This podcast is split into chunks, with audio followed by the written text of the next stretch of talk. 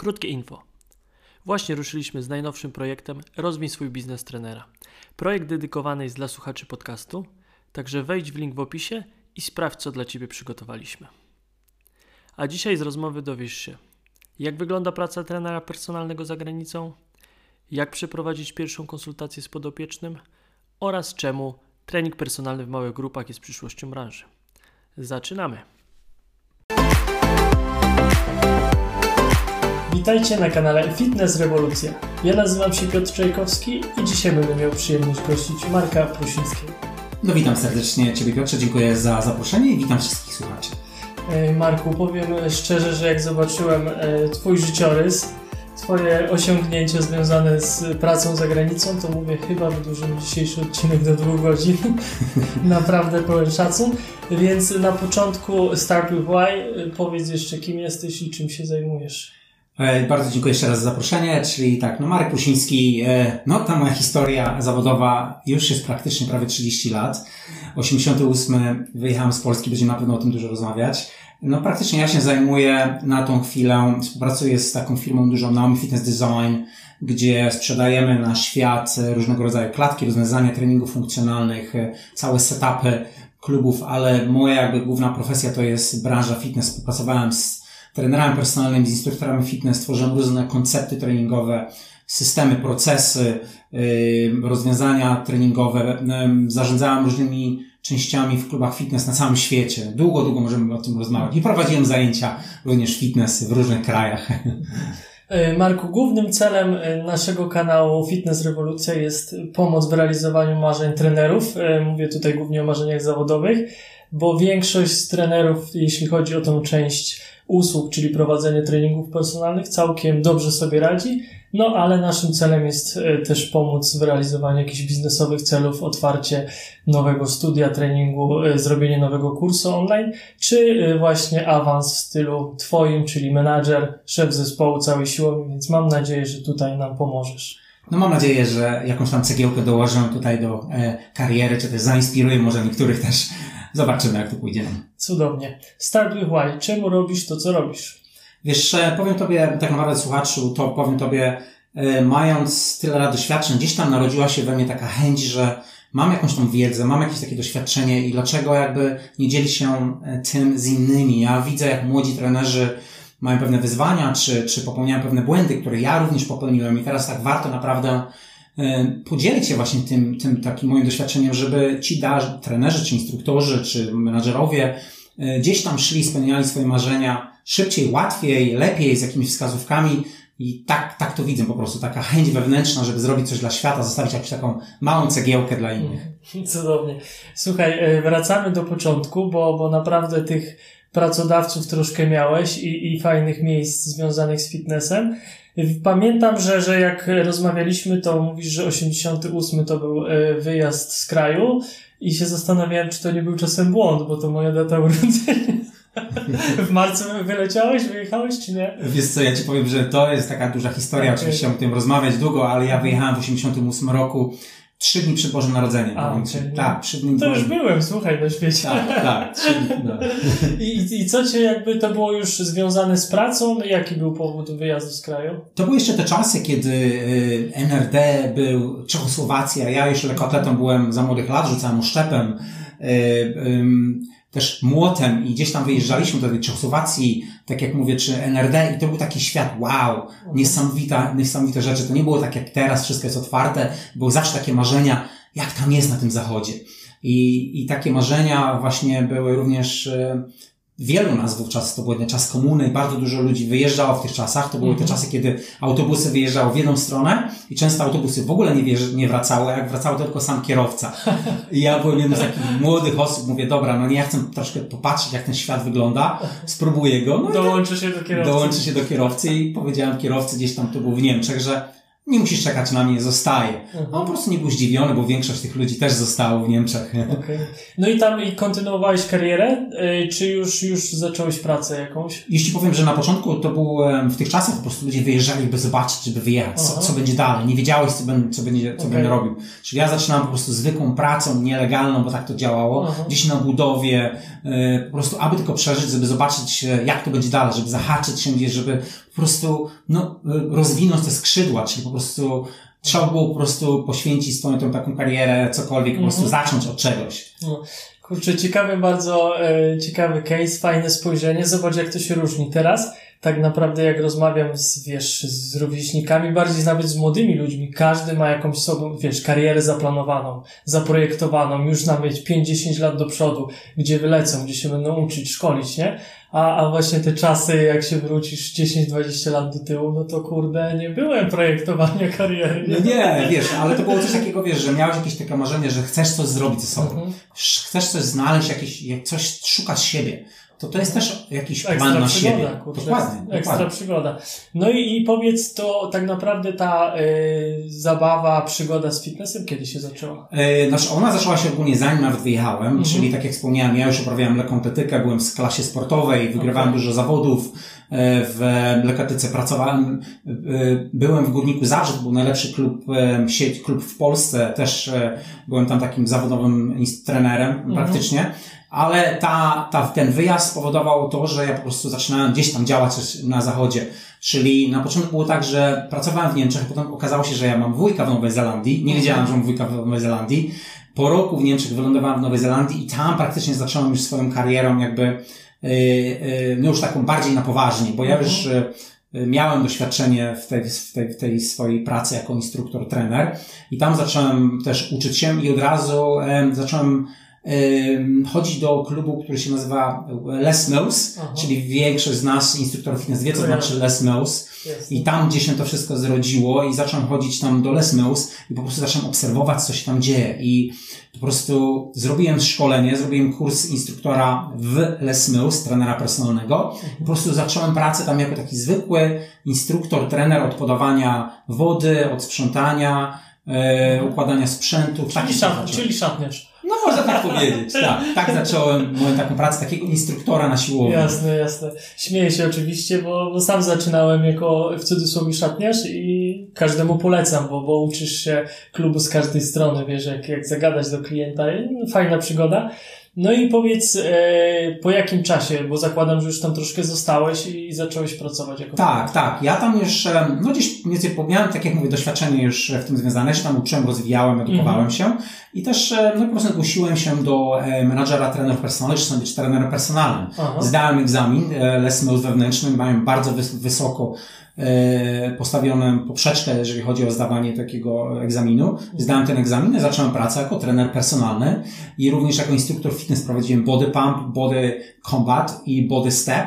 E, I byłem nawet niezłym instruktorem. Mhm. I pomyślałem, to jest fajna sprawa, prowadzić zajęcia fitness, bo mam automa- automatycznie dostęp do niesamowitej grupy ludzi. A jak wiemy, właśnie często mówię tym trenerom, że jeżeli masz większe takie expose do większej grupy ludzi, pokazujesz swoją osobowość, to też to ci się przekłada potem na darmowe konsultacje, a one, jeżeli masz dobrą podejście sprzedażowe, przekształca się na e, sprzedaże. Czyli zawsze mówię trenerem personalnym, prowadź grupowe zajęcia. Aha. To kiedy, powiedz, zrobiłeś ten, ten certyfikat, kiedy ten egzamin zdałeś, w którym roku? To był w 92 roku. 92. Tak, w 92 no roku. Jest y, 30. Tak, tak, to już jest 30 dokładnie. No tak. dobra, to będziemy tutaj tak przeplatać, bo y, ci doświadczeni trenerzy nie chcę, żeby się nudzili. Powiedz, co po tak długiej pracy, przygodzie w, w fitnessie, y, co ci nauczyła praca trenera Mm. Tam e, mnie No, nauczyło... nawet nie tam, A, mówię ogólnie, Dobrze. bo, bo część pewnie już tam, wiesz, nie może się doczekać. Tak, tak. Znaczy przede wszystkim, y, no, musisz mieć pasję, prawdziwą taką pasję, że chcesz pomagać ludziom. Ja uważam, że taki prawdziwy trener personalny to jest coś, co robisz naprawdę od serca. Bo jeżeli robisz to od serca, to robisz potem wszystko, żeby poprawiać swoje umiejętności, swoje kwalifikacje, kształcisz się, rozwijasz, żeby robić coś dla innej osoby, bo naprawdę spełniasz się w taki sposób, że jak ktoś osiąga jakieś efekty, to ty, to, to, to, ty ma też taką wewnętrzną satysfakcję. I te, tego się nauczyłem, że warto inwestować w siebie, warto rozwijać się, warto patrzeć również jak inni trenują, bo to bardzo też mocno zwróciłem uwagę na to. Obserwować jak inni, żeby nie mieć zamknięte po prostu klapki na oczy, robić to, co po prostu robię, po prostu doświadczać, testować i tego się nauczyłem jako trener personalny, można powiedzieć. Jasne. No, wracamy e, w e, Nowa Zelandia. Jak tam sprzedawałeś treningi? Jaki był system? Mhm. Jest to, tam był taki system, że mieliśmy też na takiej zasadzie jak teraz, czyli płaciliśmy, były opłaty miesięczne, też czynsz opłaciliśmy. Czyli ryczałt. Dokładnie, takim ryczałcie, ale, ale w tym e, było bardzo fajne rozwiązanie, bo był menadżer trenerów personalnych. My mieliśmy e, uniformy całe, mieliśmy ubrania nawet w Nike, bo byliśmy sponsorowani przez Nike. Mhm. Mieliśmy spotkanie miesięczne, elementy edukacyjne, to wszystko było za darmo, mhm. czyli bardzo fajne wsparcie i byliśmy takim jednym teamem, bo było bardzo dużo nasz takiej specjalizacji, czy my wiedzieliśmy, kto je ma jakąś specjalizację. Ja byłem takim trenerem, nazwijmy od wszystkiego, bo taką specjalizację sobie wybrałem, mhm. ale byli trenerzy, którzy się specjalizują czysto w bodybuilding, czy w wspieranie, rozwijanie instruktorów startujących na zawody, fitness, bardzo, bardzo wąskie specjalizacje i w tym się specjalizowaliśmy właśnie w Nowej Zelandii. W taki sposób właśnie tam to działało, wąskie specjalizacje. No i mhm. potem wiesz, te treningi idą, to jest kasa dla ciebie, tylko po prostu płacisz co miesiąc e, ryczałt, to wszystko. No i zarabiasz jeszcze na, na zajęciach fitness. Mhm. Zobaczcie, e, ryczałt 30 lat temu Nowa Zelandia ryczałt, więc dla wszystkich trenerów, którzy twierdzą, że to jest jakieś zdzieranie kasy, no to y, spójrzcie, co się działo xxx lat temu w Nowej Zelandii. To nie jest jakiś, słuchajcie, wymysł, e, nie wiem, dużych korporacji. No, jak ćwiczymy, korzystamy z przestrzeni jakiejś siłowni, no to fajnie im za to zapłacić. Ja nie widzę w tym nic dziwnego, to mam często dyskusje na kursach, nie wiem. To tak jakbym trochę poszedł teraz do salonu fryzjerskiego i powiedział, słuchajcie, y, mam tu marka i chcę tutaj raz, dwa ogolić głowę, czy mogę skorzystać za darmo w cenie, wiesz, usługi. To nie, to, to ja tutaj zawsze będę wspierał to, bo y, pamiętajmy, że my y, przychodzimy tam, my mamy praktycznie gotowych y, podopiecznych, mhm. bo każdy z tych podopiecznych zależy jaki system jest w klubie, ale większość klubów ma coś takiego jak darmowe konsultacje, tak? Jasne. No, będziemy na tym dużo rozmawiać, czyli my chcieliśmy jak najwięcej tych darmowych konsultacji robić. No i potem oczywiście moje umiejętności, każdy ma jakieś sprzedaże umiejętności, albo sprzedajesz, ale nie. Mhm. Ale masz gotowych na tacy klubowiczów, którzy przychodzą dla ciebie, którzy chcą coś zrobić i od ciebie zależy potem, co ty z tym zrobisz. Dokładnie. Więc słuchajcie, ryczałt to normalna sprawa. Kwota ryczałtu to już jest oczywiście dyskusyjna sprawa, ale płaćcie, y, nie marudźcie, w skrócie. Zgadzam się. Mm, dobra, słuchaj, no i co po Nowej Zelandii? I teraz to jest taka, taka rzecz, że ja uważam, to ja będę wrzucał takie wstawki, takie moje mądrości, że tak powiem. Złote myśli. Tak, złote myśli. No taką złotą myślą jest, że warto podejmować ryzyko, warto wychodzić poza strefę komfortu. Jeżeli coś ci nie pasuje, czujesz, że chcesz coś doświadczyć, to nie trzymaj w tym się, że dobra, no już jest tak jest, tak musi być i potem tak twoje życie leci, leci, leci ja po 8 latach w Nowej Zelandii, to był 88, yy, po prostu mówię, dobra, chcę się, no, zmienić coś. Zrobiłem swoje w Nowej Zelandii. Mam obywatelstwo nowozelandzkie, tak dodam. O, tak, tak, tak. I mówię, nie, no, chcę to spróbować innego. I spakowałem wszystko. Wszystko sprzedałem, dwie walizki i znalazłem pracę na statkach turystycznych na Royal Caribbean Cruise Lines, bazując w Miami. E, w Londynie szkolenie i dwa lata zrobiłem, spędziłem na cruise lines, na Karaibach głównie. O, po prostu jako dyrektor e, fitnessu robiłem treningi personalne z turystami, Amerykanakami, Amerykanami. Mhm. Prowadziłem zajęcia fitness, a w międzyczasie piłem drinki z palemką i opalałem się na pięknych wyspach na Karaibach. Cudownie. Z Royal Caribbean byłem, słuchaj, nawet na Bahamach. O. E, właśnie też jak byłem w Miami, to, to wziąłem sobie krus tam tygodniowy i, Dokładnie. i też byłem z palemką na Bahamach. Niestety nie byłem trenerem, ale też fajne doświadczenie. No to powiedz, powiedz jak to wygląda. Wy prowadzicie treningi tam na, mówię już o statkach, e, o promach od rana do wieczora? Czy tak. tam są, tak? Czy tak, są... już Ci mówię. E, głównym oczywiście e, jesteś tak zwany Stein, to jest e, organizacja, która jest w UK, czyli jeżeli których z trenerów chce doświadczyć tego, wystarczy po prostu kontaktować się z firmą, która się nazywa Steiner, tak, mhm. tak mówię dokładnie jak się pisze.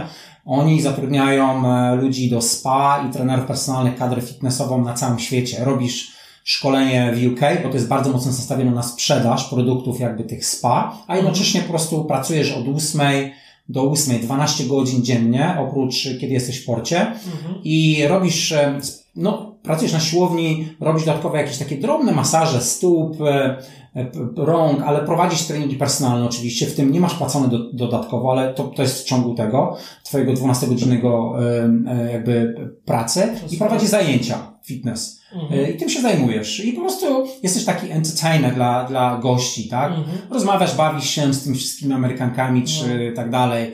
No jest po prostu wielka zabawa. Tak, tak, tak, tak, tak, tak, tak. A właśnie jeszcze dopytam, bo y, ja ten temat zgłębiałem, nawet kiedyś chciałem sobie taką właśnie y, przygodę y, zafundować, w cudzysłowie.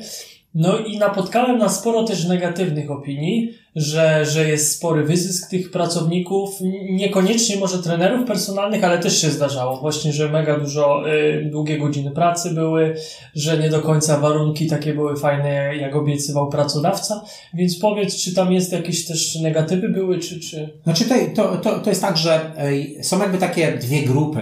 Jedna grupa, czyli spa, yy, yy, cała, cały entertainment, cały team, potem yy, ludzie, którzy bezpośrednio mają kontakt z, z, z klientami, mhm. oni są jakby lepiej traktowani, bo możesz wychodzić na, na różne deki, na bawić się, pić drinki, mhm. oprócz chodzić do dyskoteki, czyli masz dużo swobody, jest. ale jest druga grupa ludzi, którzy, którzy, kucharze, y, osoby, które sprzątają, oni nie mają prawa wyjść po pracy gdzieś tam na zewnątrz. Oni okay. mają swoje, swoją osobną e, miejsca, gdzie muszą mm, tam być po pracy. Oczywiście mogą wychodzić, jak, e, jak statek gdzieś tam dopłynie do portu i jest przerwa, ale no, oni mają trochę przechlapane, że tak powiem. No, A my mieliśmy naprawdę fajnie, czyli no. tutaj może o to chodzi. Jasne, jasne. E, a, a, a właśnie taki trener z Polski chce sobie e, wylecieć, pracować, jakie są wymagania? Jesteś na bieżąco? Tak, nie jestem na bieżąco. Nawet znam osobę, tak? która też była e, na... Po prostu musisz mieć rzeczywiście potwierdzone e, dokumenty, że jesteś trenerem personalnym, tak? No większość trenerów ma już te międzynarodowe doświadczenia, Aha.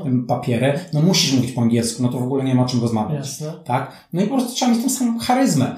I oni cały czas Czyli szukają. jest rekrutacja po prostu. Tak, tak, jest rekrutacja. Trzeba, tak jak wspomniałem, Steiner, to jest ta organizacja, która cały czas działa, wejść na neta, E, szukać, czasem się tam zgłosić i oni po prostu e, robiąc sobie interview, jedziesz do UK, robisz szkolenie potem wybierasz, który statek, chcesz i czekasz na ten statek. Okay. Czyli w UK spędzasz około dwóch, trzech tygodni. Mhm. Pisz, piszcie do Marka, jak nie będziecie Tak, nie ma problemu. Jak ktoś będzie chciał, to jak chętnie odpowiem na pytanie. Dobra. A ja wrócę, słuchaj, bo E, już kilka razy na kanale e, powtarzałem, że kocham podróże, więc będę trochę Cię męczył tym tematem. Pewnie. I dlatego też Cię zaprosiłem. Mówię, ale będzie dobra rozmowa.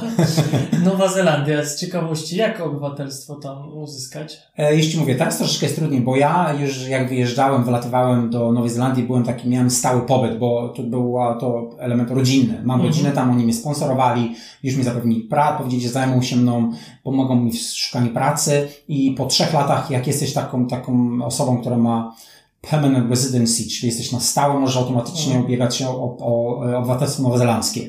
Czyli e, tak to wyglądało. E, no i dlatego mam. Czyli też troszkę jak w Stanach, że też musisz mieć sponsora, tak, czy tej pracodawcy, tak. który, który potwierdza, że dokładnie, pracujesz. Dokładnie, tak. dokładnie. No dobra. E, I, I lecimy dalej. 2003 byłeś w Stanach, widziałem. Tak, tak. To było coś takiego, że... Co tam się wydarzyło? E, jeśli mówię, to też taka moja zmiana, czyli tak, no pływałem na tych statkach i mówię, no dobra, no ile można opalać się nad palmami, i to jest ciągle te 30 stopni, ciągle te palmy i te kokosy, no nuda. I tak, ale tak na poważnie. E, A tam można było zarobić jeszcze na Tak, bardzo dużo może zarobić, o, bardzo dużo może zarobić na, e, na, na piwkach. Okay. Czyli trzeba starać się, żeby być na statkach, gdzie są Amerykanie. No może zarobić 500, 600, 700 dolarów tygodniowo na rękę, żadnych podatków tam nie płacisz, po prostu na rękę wszystko dostajesz. Czyli, a masz wszystko za darmo, jedzenie, czyli naprawdę można fajnie zarobić i jednocześnie coś. Czyli podobnie, słuchaj, widzę, że, że ty Amerykanie jednak na tipach nie oszczędnie. Oczywiście. Ja pracowałem w południowej Karolinie jako y, ratownik na, y, nad oceanem i też mierzyliśmy z tipów że były, były akcje, że jak ktoś miał dobry stand na przykład blisko tej głównej plaży, no to leżał jakiś tam aktor sobie, był na wakacjach przez tydzień, y, ratownik tam się bawił z dzieciakiem i później dzwoni do nas na tych, wiesz, Dokładnie. że słuchajcie, y, dostałem w kopercie tysiąc dolarów, tak. zapraszam cię na imprezę. Tak, Mówię, tak, wow. Tak, tak. Także można na tipach. No dobra, i mówię, Wiesz co, ja to jestem taki, kurde, naprawdę podejmuję takie szalone pomysły. Już ci mówię, jak to było. Byłem na tym statku, to był już mój drugi kontrakt i poznałem taką fajną lokalną, znaczy lokalną dziewczynę, Amerykankę. Aha. Ja mówię, jak skończysz swój, um, swój rejs, to spotkamy się, pojedziesz po Stanach, bo w Miami była baza i będzie super. Aha. No i oczywiście tak, skończyłem ten neres, umówiliśmy się z nią. Ja wychodzę z tego statku w Miami, dzwonię, nikt nie odpowiada, nikt nie odpowiada, nikt nie odpowiada, mówię, ja pierdzielę, masakra, nie? No zrobiłem je w balona. No to ja tak mówię, dobra, no to co ja zrobię? No kurde, poszedłem sobie gdzieś tam na nocleg wynająć w Miami na jeden noc i mówię, no i co teraz? Idę tak przy biuro podróży i mówię, kurde, wycieczki. Mówię, patrzę, Ameryka Południowa. No i poleciałem sobie na dwa tygodnie do, do Peru. Poleciałem sobie na dwa tygodnie do Peru i tam poznałem też taką Amerykankę, koleżankę taką. I ona mówi, wiesz co, jak kiedyś byś chciał być w Stanach, to napisz do mnie, ja mam faceta, on ci pomoże w pracy. No ja tak sobie w tym Peru byłem, jak wróciłem tego z Peru na, dosłownie na tydzień do Polski i myślałem, że po prostu taki, taki dostałem jakby takim obuchem w łeb, będąc w tych krajach, wrócąc do Rozumiem. Polski. W 100%. Tak, tak. I, I napisałem do niej, hej, um, Ann ma też miała na imię, wiesz, no to może wpadnę do tych Stanów, no to przylatuj. A że mam obywatelstwo nowozelandzkie, żaden problem dla mnie. Poleciałem do Stanów, do Los Angeles i tam e, znalazłem pracę, e, w- pracowałem przy komputerach.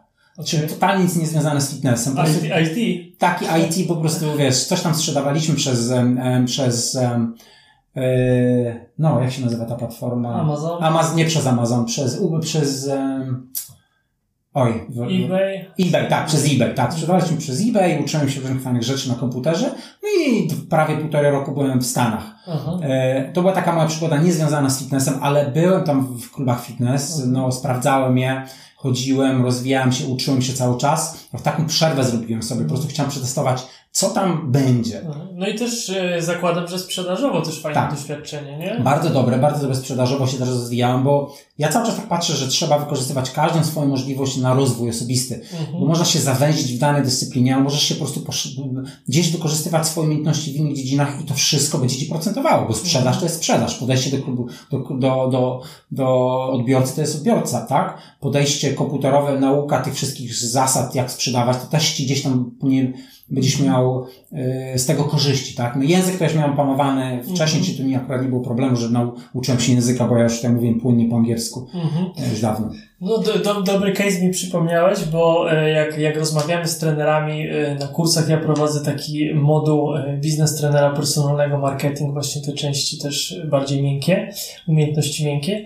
No to często jest pytanie, no jak ten, ten, tą swoją karierę rozwinąć?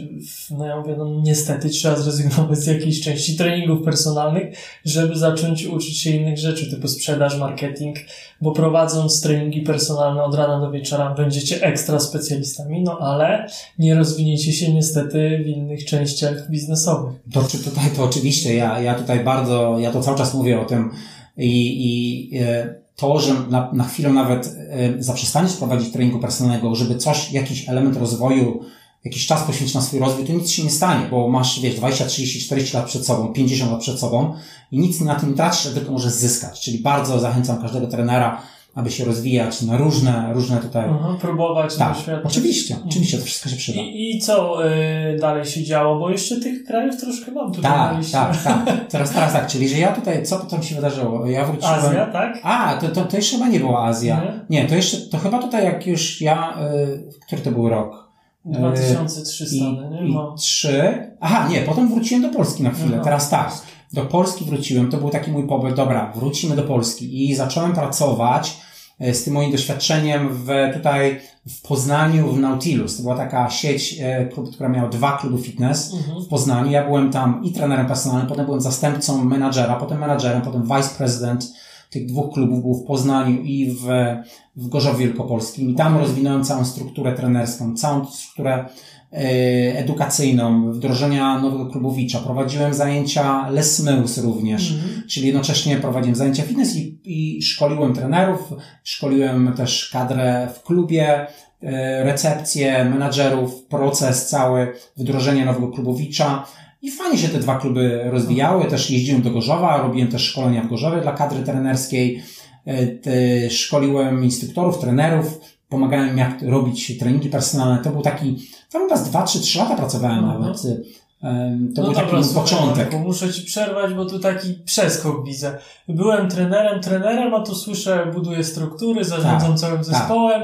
Y, w którym momencie coś, coś e, wyszedłeś dalej jako trener personalny? Bo zakładam, że już jak pracowałeś wcześniej, e, czy na statkach, to, to już zarządzałeś zespołem, czy to od razu w Polsce był taki przeskok z trenera personalnego już do osoby, która właśnie buduje strukturę? Ci mówię, wiesz co, jak, nawet, nawet pracując e, w, jak pracowałem jeszcze w Nowej Zelandii, jesteś mhm. trenerem personalnym, czyli już tutaj jesteś, jesteś praktycznie takim, nazwijmy na JDG, J, tak? Mhm. Bo musisz zarządzać swoimi e, treningami, musisz robić, dokładnie, tak jak normalnie masz działalność innoosobową, czyli już budujesz swoją jakby, twoje umiejętności e, menadżerskie, okay. współpracujesz z różnymi trenerami, wiesz na czym to wszystko polega, masz nad sobą menadżera, czy uczysz się o tej osoby, wiesz jak to wszystko Aha. wygląda, całe struktury znasz od środka i to wykorzystujesz tą wiedzę dalej. Aha. Potem jak pracowałem na statkach, to też tam e, musiałem układać grafik e, zajęć fitness, e, zarządzać, było paru trenerów personalnych, z którymi razem układaliśmy grafik, musieliśmy zarządzać konsultacjami, jak to wszystko ugryźć, jak to zrobić, jakieś, mhm. jakieś wydarzenie fitnessowe, czyli to już buduje swoją, swoją, mhm.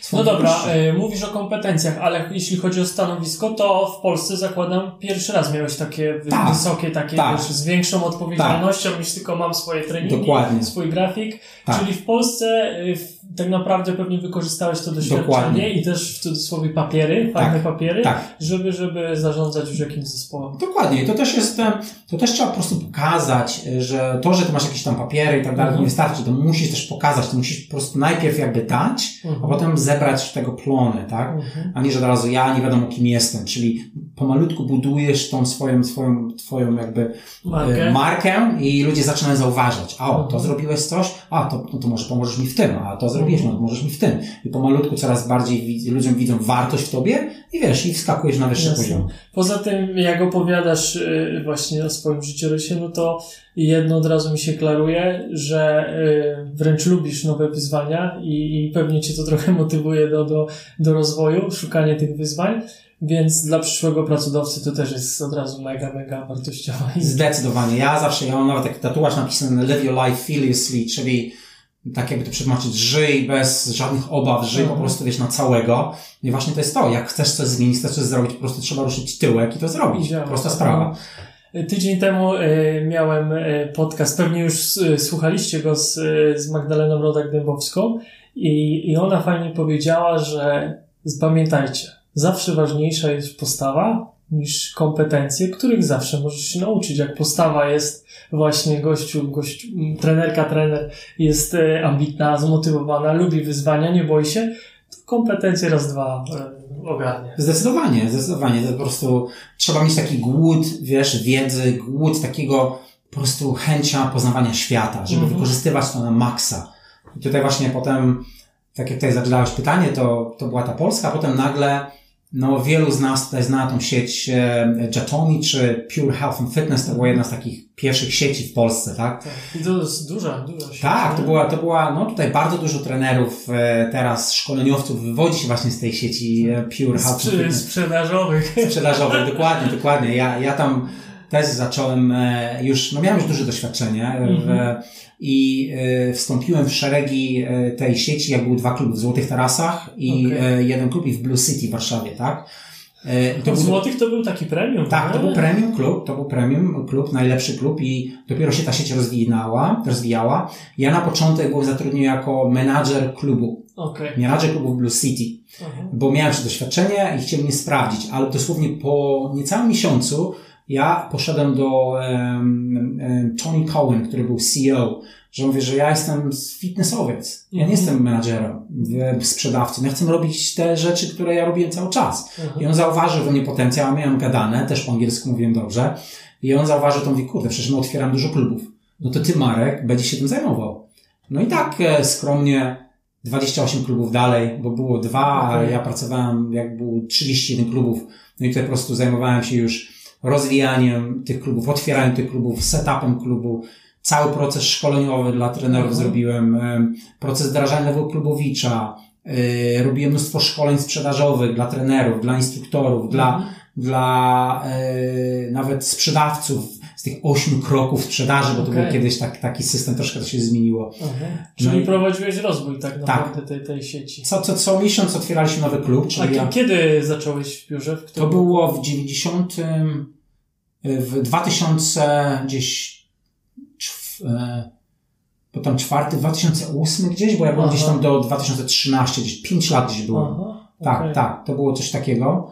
No i, i rozwijaliśmy to, tak, i to było niesamowite, bo, bo tam moi, nazwijmy, menadżerowie są teraz naprawdę świetnymi szkoleniowcami w wielu takich renomowanych tutaj szkołach w, w Polsce. Mhm. I e, to był chyba najlepszy okres dla nas, tak? E, tam już naprawdę rozwinąłem fajne skrzydła, bo te kompetencje wszystkie, które miałem, spowodowały to, że miałem tę możliwość, tak? Ale ja byłem taki mocno kreatywny gość. Mhm. Czyli na tym to polega, jeżeli chcesz iść do przodu, yy, to musisz być dobry w tworzeniu.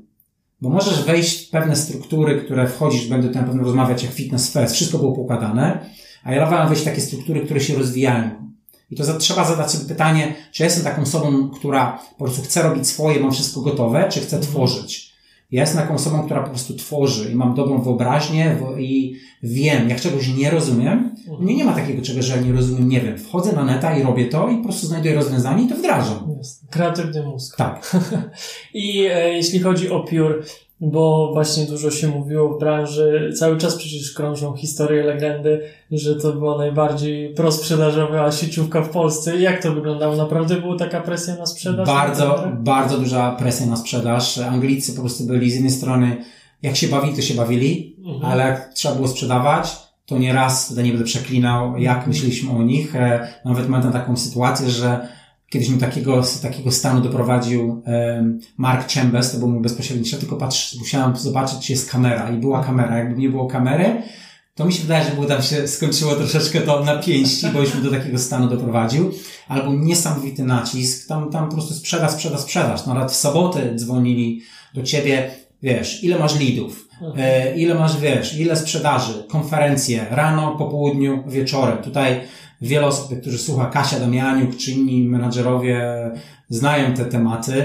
E, była bardzo duża nacisk na sprzedaż. No, Mhm. ale, ale znowuż były wyniki. Jasne. No właśnie chciałem do tego, y, słuchaj, nawiązać, że oczywiście z perspektywy pracownika, trenera jest to duży problem i, i, i, i sam nie, nie pochwalam takiej dużej presji sprzedażowej, bo jednak finalnie my też powinniśmy rezygnować z jakiejś współpracy, jeśli nie czuję, że nie pomogę klientowi, więc podchodzę do tego tak może mniej prosprzedażowo, ale wiem, że dużo się można nauczyć od takich korporacji, właśnie struktur, procesów, więc powiedz, jak pamiętasz, i na przykład pierwsza konsultacja, jak Mhm. wyglądały, jakie były etapy. Pewnie, wiesz, no ja, ja pewno pierwszą konsultację nawet stworzyłem, nazywało się Pure Life, czyli na początku nie było tych konsultacji, no bo były dwa kluby. Czy taka konsultacja, wiesz, ja stworzyłem cały schemat tych konsultacji. Mhm. Czy ta konsultacja, to, to się nic jakby nie zmieniło. Zawsze Jasne. tak początek konsultacji jest, wiesz, że mam pewną analizę potrzeb, tak? Mhm. Standardowo siadasz sobie, rozmawiasz z tą osobą. Tutaj naprawdę nic nowego nie ma. Mhm. Masz e, rozmowę, potem mówisz pewne pomiary,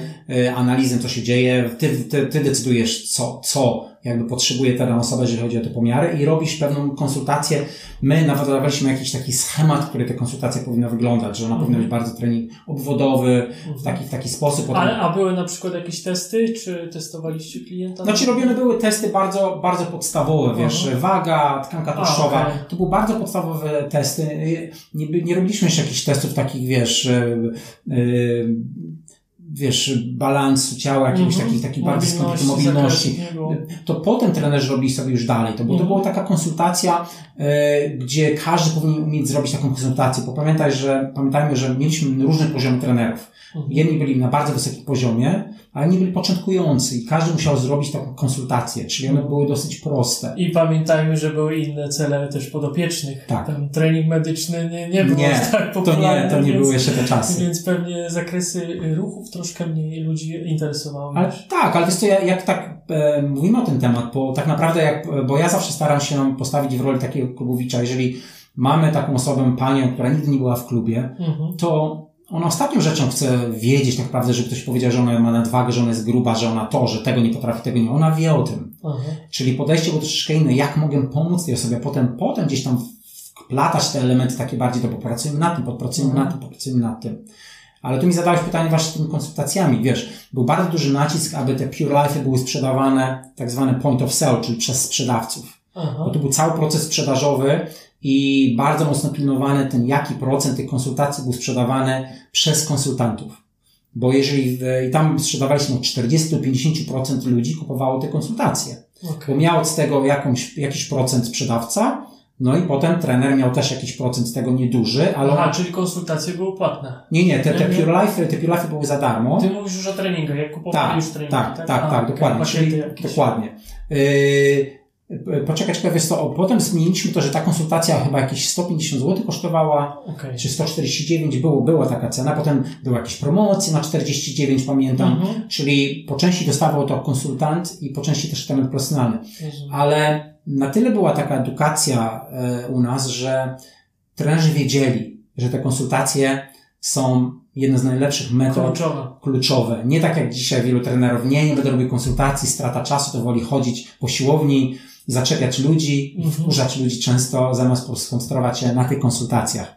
Mhm. Tak. A wchodząc w szczegóły tej konsultacji, bo ja bardzo lubię ten temat, Aha. sprzedawaliście pakiety już na końcu, czy wracaliście z telefonem na kolejny dzień? Jak to wyglądało mhm. już tak technicznie, mówię, od strony sprzedaży? Od razu na koniec. Siadaliśmy od razu na koniec, mówiliśmy, wiesz, że to jest najlepszym rozwiązaniem dla Ciebie to, najlepszym rozwiązaniem to, czyli całym elementem jakby edukacji trenera, bo też zrobiłem szkolenie, stworzyłem taki proces szkoleniowy, jak e, to wygląda. Też był jakiś tam element ośmiu kroków, nazwijmy mm -hmm. to. Yes. I była właśnie ta konsultacja. E, bardzo duży nacisk kładliśmy na to, żeby umieć się sprzedać podczas tej konsultacji, żeby naprawdę pokazać swoją wartość, żeby ta osoba widziała, że ty naprawdę jesteś wartościową osobą. I potem na koniec, wiesz, rozmawiały, rozmawialiśmy po prostu, wiesz, na podstawie tego, e, co zauważyłem, najlepszym rozwiązaniem dla ciebie będzie to, alternatywnym rozwiązaniem dla ciebie to. Uczyliśmy również ich pewnych elementów z obiekcji, tak? Jeżeli ktoś mówi, muszę zastanowić, no to były pewne elementy, tak dalej, tak dalej. I potem było co? Jeżeli taka osoba nie zdecydowała się na trening personalny, no to co? To robiliśmy oczywiście takie follow-upy, były telefony na kolejną konsultację. Aha. Było to, że taki trener też wiedział, że e, ta osoba była na konsultacji, to on widział w klubie, że aha, tutaj mamy Tomka, który był na konsultacji, to ja będę dbał o tą osobę, bo że to dzisiaj ta osoba nie kupiła treningu personalnego, nie znaczy, że nie kupi za miesiąc. Mhm. Czyli też był ten element, że dbamy o tych nowych ludzi. My widzieliśmy dokładnie z raportów, kto jest nową osobą, czyli do nich Jasne. było dzwonić i instruktorzy wiedzieli, którzy, to też kto jest tą nową osobą. Czyli naprawdę był fajny system. Mhm. Dla mnie, słuchaj, z perspektywy właśnie marketingu i sprzedaży, bo to teraz najbliższe yy, mojemu sercu jakby filary, którymi się zajmuję w Akademii, no to widać jak zachodni jakiś kapitał, zachodnie korporacje wchodziły na rynek fitness i jak to było sprofesjonalizowane, patrząc właśnie na sprzedaż, marketing, procesy, wszystko poukładane. Nie, że otwieramy siłownię, uczymy się marketingu, uczymy jak to będzie. Tak już zakładam, wjechali z gotowymi procesami, które wy, no pewnie optymalizowaliście patrząc na dany rynek, nie? Tak, oczywiście, no wiesz, no tutaj y, ta osoba też miała, bo ja jakby dopracowałem ten, ten Pure Life, ja go stworzyłem, mhm. ta osoba miała też książeczkę taką, wiesz, jak to wygląda, czyli też miała taką niemacalną rzecz, gdzie widziała wartość tego. Tak, tutaj być może będziemy tam poruszymy Fitness Fest, która jest bardzo znana z procesów, e, dalej gdzieś tam w Azji robią, to powiem mhm. też, jak ta konsultacja wyglądała Fitness Fest. No tam, okay. no, to, to, to przedstawię. No, przejdziemy zaraz. Pewnie, pewnie, ale ogólnie uważam, że to jest, jeżeli chcesz być dobrym trenerem, to zadbaj o tych ludzi na start. Oni są taką jakby najbardziej wrażliwi na to, co się wydarzy na początku. Oni mhm. potrzebują tej pomocy. Jasne. No. Dokładnie. A ode mnie jeszcze, słuchajcie, dużo pytań e, na szkoleniach tej No jak się tej sprzedaży nauczyć? Jak dobrze te pierwsze konsultacje prowadzić? Ja bardzo szybko odpowiadam, po prostu je rób. Tak. Tutaj nie ma drogi na skróty, trzeba przyrobić te 100, w cudzysłowie 100-200 konsultacji, żeby, no żeby się czuć pewnym, dobrze sprzedawać nie krępować się tej sprzedaży, no tego z książek się nie nauczyć. Wiesz, ja, ja tutaj tyle tych szkoleń zrobiłem na ten temat, ja tu mogę rozmawiać osobny temat, ale ja co mogę powiedzieć tak w dwóch zdaniach, to przede wszystkim słuchać, mhm. tak? Słuchać, co klient chce i po prostu rozwiązywać ich problemy naprawdę chcieć pomagać nie po prostu odwalić tylko swoje, bo klienci to czują, Jasne. że ty chcesz im pomagać. Zadawać pytania nawet na konsultacji, nie mówić, a ja jestem to, to zrobimy to, to zrobimy to, tylko po prostu zadawać pytania, a co masz na myśli? A e, dlaczego tak myślisz? Czyli tak zwane po angielsku peeling na onion, obierasz cebulę, mhm. aż dojdziesz do tego na takiego hotspotu i wiesz o co chodzi. No, to czasami zajmuje tygodnie, nie? Tak, tak, tak. No. O, ty będziesz miał na pewno jeszcze większe doświadczenie ode mnie, ale nie wiem, czy zauważyłeś, jak w ogóle ludzie teraz coraz bardziej rozumieją marketing, sprzedaż. przez to, że, że już to się coraz bardziej profesjonalizuje, też się z tym coraz częściej spotykają i ludzie są wyczuleni też na te sztuczki, techniki sprzedażowe, więc w suma summarum trzeba być sobą i trzeba być empatyczny. Tak Dokładnie tak, tak jak mówisz. No dobra, lecimy dalej. E, co tam po tym piórze się zadziało? Jeśli mówię, bo e, piór, e, ja też tam byłem odpowiedzialny za Rumunię, za Bułgarię, za Czechosłowację i piór, czyli już potem Jatomi, zaczął otwierać kluby, wiesz, rozwija się na rynki azjatyckie. Aha. I um, A, przerwę ci. Mhm. Ta sieciówka to była brytyjska czy turecka? Nie, to była, to była polska. Polska, polska była? sieć, ale była założona przez dwóch Anglików, A, którzy tak, wywołują się, którzy pochodzą z Fitness First. A, I James Balfour był też, e, przepraszam, Mike Balfour, to osoby, którzy znają Fitness, e, fitness First, to jest założyciel Fitness First w ogóle, to była starsza osoba, to był jeden z głównych takich yy, współdziałowców. Czyli Anglicy założyli, ale spółka normalnie była w Polsce. Okej, okay, zarejestrowane. Tak, tak, tak, tak. I tutaj to pytanie mi zadałeś, czyli e, to było chyba 2012-13, nagle, wiesz, otwierają się e, rynki azjatyckie. No to, że ja byłem, dobrze po angielsku mówiłem mhm. i miałem dobre układy z James Balfour, który był jeden CEO, mówił, hej Marek, może byś chciał ze mną tam polecieć i tam pomóc mi um, otwierać, rozkręcać kluby. Ja, no pewnie. No i tak się zaczęła moja przygoda, że poleciałem do Malezji, do Kuala Lumpur bo tam e, rozwijały się kolejne kluby i tam również rozwijały się kluby w Azji, w, w, tam w Tajlandii mhm. i, i, w Indonezji. Tak, czyli Indonezja, Malezja i Tajlandia. No i ja również za, zająłem się tym samym tematem, czyli całe procesy zacząłem tworzyć, struktury, proces szkoleniowy, wszystko po angielsku. Okay. Uczyłem trenerów, dokładnie to, co robiłem w Polsce, po prostu robiłem z... Nowe rynki. Nowe rynki. No dobra, żeby słuchaj, nie było tak nudno z, z tą branżą fitness, Powiedz mi, e, jak tak dobrze znasz Azję, bo ja dopiero zaczynam eksplorować, Jakie polecasz w Azji kraje tak y, na wypoczynek, żeby właśnie zobaczyć, zwiedzić? Mhm. To też zależy, co Ciebie kręci, bo na przykład, żeby Cię kręcić po prostu pobawić się dobrze, o, no to na przykład, kręci. To, to, na przykład możesz polecić sobie do Bangkoku, tak? No oczywiście Bangkok wiadomo z czym się kojarzy tak, ludziom, tak. ale z jednej strony jest niesamowita kultura, bardzo bogata kultura, wspaniałe jedzenie, a z drugiej strony no, może na przykład dobrze się pobawić w Bangkoku i tak dalej, tak? Mhm. Zależy, co Ciebie kręci, bo ja na przykład, nie, ja bardzo lubię chodzić po dżungli. Czyli ja bardzo dużo czasu spędziłem w Malezji, tak jak mówiłem, no tam byłem chyba 6 lat, czy więcej. No tam dużo chodziłem właśnie po dżunglach, e, po, poznawałem takiej lokalnej jakby społeczności e, w, w Kambodży. Kambodża jest pięknym krajem. To jest coś takiego, jak widzimy, wiesz, w Indiana Jones. Mhm. Te takie, wiesz, piękne miejsca, polecam, żeby zobaczyć te kraje, bo to jest tam, tego nie będzie niedługo. Jasne. Czyli e, zależy, Cię kręci. Kręci mnie surfing na przykład i, i no do Bali, na Bali wiesz, byłem, tak, byłem tak, na Bali, tak. było cudownie. I, no i słyszałem, że też są e, Filipiny bardzo, bardzo tak, fajne, tak. chodzi o pływanie, surfing. Znaczy, znaczy ja polecam tak, bo bardzo dużo ludzi tak robi na świecie, jeżeli mówimy tutaj o podróży. Mhm. Lecisz do Bangkoku, bo najtańsze loty są w Bangkoku mhm. i bardzo dużo jest właśnie wycieczek takich z Bangkoku, tutaj wiesz, Tajlandia, przepraszam, no, e, no Bangkok, tak, w Tajlandii, potem gdzieś do Malezji, do, na Filipiny, Kambodża, Indonezja, czyli startujesz w Bangkoku mhm. i robisz, wiesz, tydzień, dwa, tak bardzo dużo ludzi z całego świata się spotyka i po prostu zaczyna podróżować. I znowuż wraca do Bangkoku i wraca już potem z Bangkoku samolotem gdzieś tam do siebie. A tak to takie małe loty, które są bardzo tanie mm. między tymi krajami i pociągi. Ekstra, przetestuję. No. A wracając do branży fitness, jeśli chodzi o różnicę, bo to też mnie bardzo zaciekawiło. Ja e, sporo siedziałem w Stanach, więc ten rynek e, delikatny tam zobaczyłem, eksplorowałem, a Azja totalnie zero. No tam na Bali nie byłem nawet na siłowni, więc powiedz, jakie, jakie hmm. różnice takie są duże, jeśli chodzi Wiesz, o europejski rynek, a azjatycki? Tak, ja tutaj dużo taki, dostałem trochę takim też obuchem w łeb, bo ja pracowałem, tak jak mówię, w Chatomi, a potem pracowałem w Fitness First i tam zupełnie inny rynek. E, tak jak e, w Polsce byłem przyzwyczajony do takiego, wiesz, zarządzania, hej, to mamy zrobione, takie targety, to słucham, wiesz, taki, taki, taki styl, a tam bardziej taki coachingowo, tam nie możesz powiedzieć im na przykład, że opieprzyć w taki sposób, wiesz, jak się ktoś spóźni, bo w ich kulturze to jest to, że się spóźnisz, wiesz, godzinę, dwie, to nie ma problemu, że ktoś przyjdzie ci na spotkanie o pracę, godzinę, pół, jak mu zadasz o co chodzi, to on jeszcze w ogóle, ale o co ci chodzi w ogóle? No, Ameryka Łacińska, taka Dokładnie. Latino, tak? Czyli trzeba mieć mm. bardzo dużą cierpliwość do nich, inaczej z nimi trzeba rozmawiać.